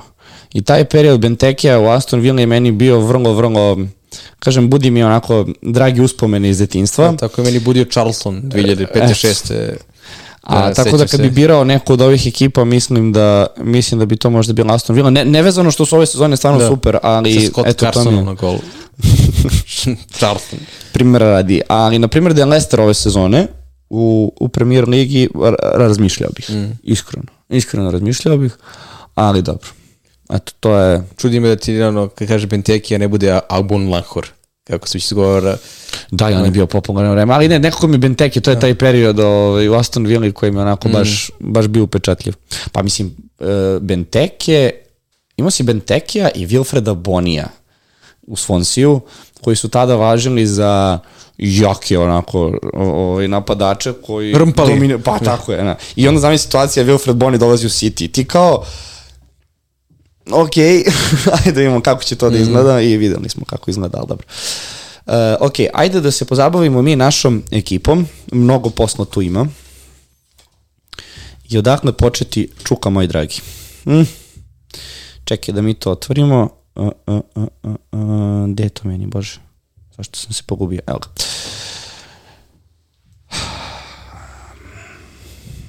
Evo ga. Dakle, situacija je sledeća. Na golu Leno i Areola. U odbrani imamo Keša, Barna, Udogija, kao da kažemo neke tri sigurne opcije. I nakon toga imamo Kaborea i Botmana, Dobro. za koga znamo da neće igrati. Sredina terena. Salah, Madison, Neto Diaby i Bruno Fernandes. Dobro. I u špicu, odnosno u napadu imamo Halanda, Archera i Gabriela Jezusa. Dakle, to je, ako sam dobro ispratio i ako se sećam, 3-5-2 formacija. Pa da, imamo jedan situaciji- transfer. Šta si uradio sa Renjem prošlo kolo? Ste to doveli e, imamo Neto jedan transfer, Gordana? imamo jedan transfer i imamo 0,2 miliona. Zamenili smo Gordona za net. Tako je. Šta, šta, šta? Ništa, vraćamo Gordona, vraćaš Gordona sad. Pa, vidi, nema šanse da, to sad radimo. nećemo ali, da, ali- moje, moje prvo pitanje je da li dolazimo u, u minus? Pazi, može bih otišao u minus, ja bih svakako doveo Watkinsa umesto Jezusa, uh Mhm. -huh. imamo novca za to, i eventualno, ako hoćeš da vadimo Bruna, Ja mislim da, Da. da. da mestiš pogrešno, ali imati čovjeka od 8,3 miliona ovoliko dugo, mislim, on, će sad sigurno da gol I da dovedemo- ovoga i mog nastupa danas, ali sa, ja, ja ne pare mogu da, za. Saku, Ajde ovako, znači ako ja izbacim Bruna i Žezusa, nama ostaje 16,4 miliona. to je dovoljno za Watkinsa i za Evo ovako, ako Saku. ubacujemo Ja mislim. Watkinsa, Saki Pala, mislim, cena. ostalo, na, ostalo mi još 8,1 milion. Ako dođeš Watkinsa, Da. a onda... Što znači, sad ću da ti kažem kada odredim uh, uh, uh, uh, um, 8,1 ovako. Nemamo za Saku. Možemo Martinellija? Može Martinelli. Martinelli. Može mali diferencijal. Može Bowen. Bojan sigurnija opcija, svakako i njemu će re, relativno da raste procenat vlastištva, ali već Nemamo imamo, mi tomu. a nemamo, koga imamo? I Sona i Madisona? Ili imamo samo Imamo Madison. Madisona? Dobro, ne možemo ni Sona da Ali dovedemo. vidi, sad, na primjer, uh, Imamo Diaby, u, jel tako? situaciji, u situaciji, ako ubacimo Watkinsa, mi imamo tri igrača iz Aston Villa. Imamo Keša, imamo Diabija, imamo Pa dobro, sami smo rekli da ćemo malo Ok, triplujemo. ali evo ti situacija sada, znači Diabija 6,6, a MBUMO, bože MBUMO, izvini, uh, mi tome je 6,5. Znači mi, mi tehnički možemo i da ostavimo Bruna. Da? I da zamenimo da Diabija zamenimo u Mitomu, Diabija sa a Mitomom, da ne bi imali baš tri iz, iz, iz, iz Aston Ville, a kako, vidi, a čekaj, kako sad to rekao, si vadimo Bruna i sad... Ne, ne, dajem ti opcije, ali, eto, mislim, u suštini imamo mi tomu za Brighton, Fulham, Everton, Sheffield, Nottingham Forest. Mislim, stvarno, Pazi, nekoliko tu igrača, ono, ajde da kažemo da je Watkins zacrtan, jer ono, stvarno ne mogu da zamislim. Da, ne, ne, Da. to, to svakako. Watkins je zacrtan, a onda dovedemo lepo, kako se zove, mm, ne možemo vratimo Gordana, već smo ga onako izdali, pa nekako se tu lomim između tog Martinellija, sa zaku nemamo pare, ili nekako iz Brightona, ili čak Bojana. Dakle, To je- meni, meni je tu dakle, ta trilema Bowen, Arsenal ili Mitoma. Pa vidi, na što možemo da uradimo? Uh, mi nemamo nikoga sad iz Arsenala. Da.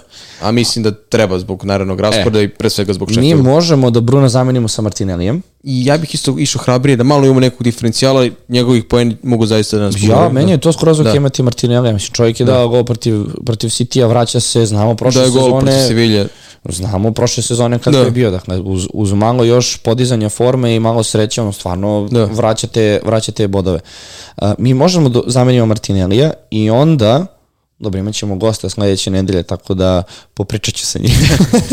Ali... pre, pre epizoda ćeš mu reći šta će da kaže. da, kao, kad budemo pričali o timu, ima da kaže da menjamo to igrača. da, ali uh, mi narednu, uh, naredno kolo možemo da izbacimo, na primjer, Diabija, da ne idemo baš Da. sa tri igrača Aston Villa ceo period i, i, i, i da ubacimo mi tomu. Zato nam ni ne treba dodatan novac, a imat ćemo ga sa ubacivanje Martinelli odnosu na Ajmo to da uradimo.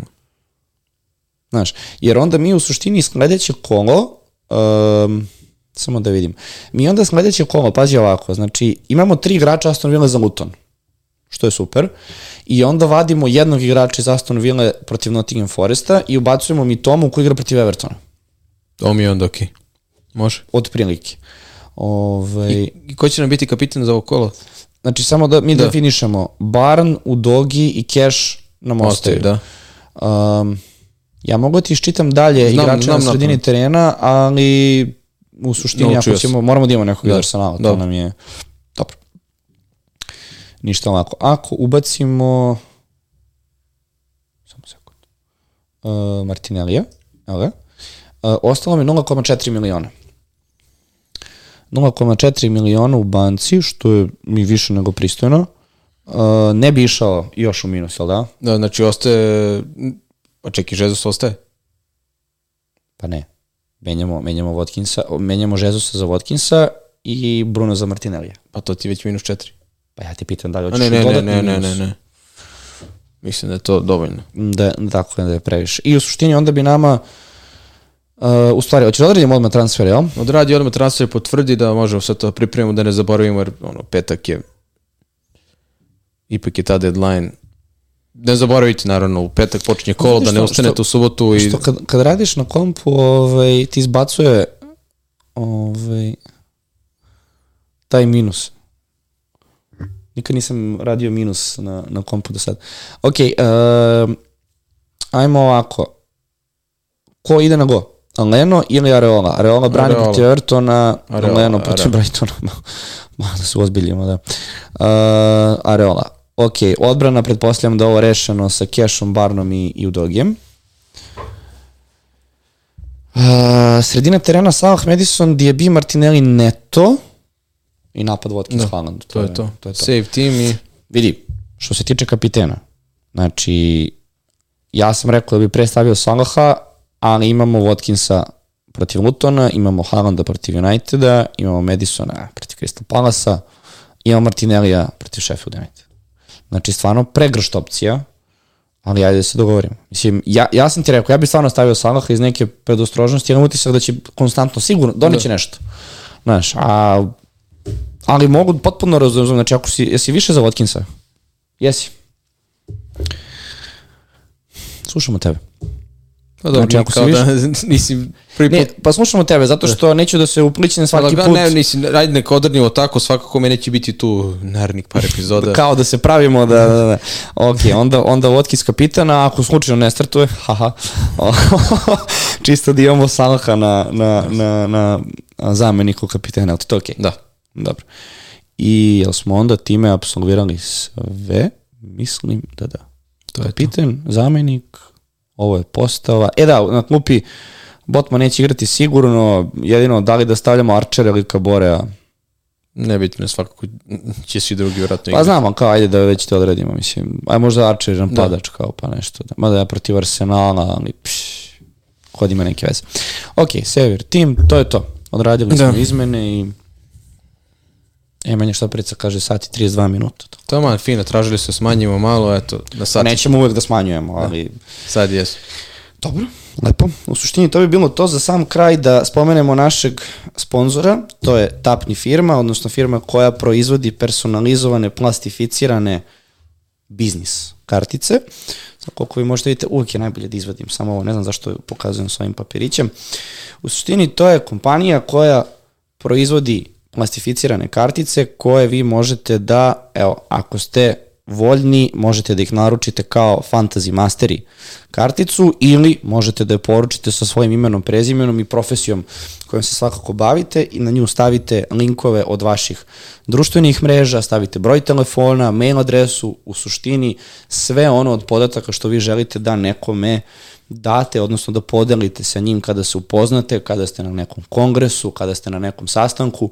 Nema više pošalji mi poruku, daj da ti zapišem broj telefona na papirić, uzmeš lepo karticu, prisloniš na telefon ili eventualno da se preko kamere skenira QR kod na kartici, vrlo elegantno i brzo, sve od podataka što želite da se prenese, prenese se iste sekunde i to je to, mi smo dobili naše posebne kartice za nas, a svi vi koji želite preko nas da je poručite, imate u opisu same epizode link preko koga možete da e, uz kupon Fantasy 30, odnosno kod, dobijete popust upravo za ove kartice, kažem, ili kao Fantasy Masteri baš ovakva kartica, ili možete na kraju dana sami da kreirate svoju karticu pa i sa logom firme ili kompanije za koju radite. Tako da eto, svakako da se zahvalimo Tapniju što su evo već, boga mi, dobar period početka ove sezone, odnosno druge sezone sa nama, a ti Čuka, odjavljuj. Ništa, hvala vam društvo puno na pažnji, ja se vraćam nekim svojim drugim obavezama, vidjet ćemo se, ja se nadam, u decembru, verovatno, jer imamo sad neke isplanirane već emisije za novembar, kao i uvek zapratite nas u društvenim mrežama, YouTube, TikTok, Instagram, Facebook, svuda smo prisutni, značajno svaka vaša podrška, komentar, kritika, sve to sastavni deo našeg delovanja, tako da uvek volimo da i mi vamo odgovaramo, da vam pružamo našu podršku, pomoć, savjet ili šta god treba i samo da vam se još jednom zahvalimo što nas pratite i što ste nam zapravo vi glavna podrška da sve ovo prosto može ovako da se odradi i da nastavljamo neku našu priču. Tako je. Sledeća epizoda očekujte specijalnog gosta koji je dosta upoznat u fantazi, tako da ne brinite se, nećemo lutati od teme, čekamo samo da potvrdimo još datum i vreme, ali imaćemo gosta. Ja iskreno jedva čekam tu epizodu, tako da nećemo sada ništa da vam otkrivamo i nekako je postao trend, odnosno u posljednje vreme odjavljam epizodu tako što poželim svima da imaju minimalno 70 bodova u, u narednom kolu, što je... Sad za okolo 90. Kraj, da, morao bi da dignem, ali neko ostane. Da mi svi imate 70 i više bodova u narednom kolu, pratite fantasy, pratite naš rad i našu stranicu, želim vam puno sreće u narednom kolu i To bi bilo to. Vidimo se naredne nedelje. Ćao. Ćao.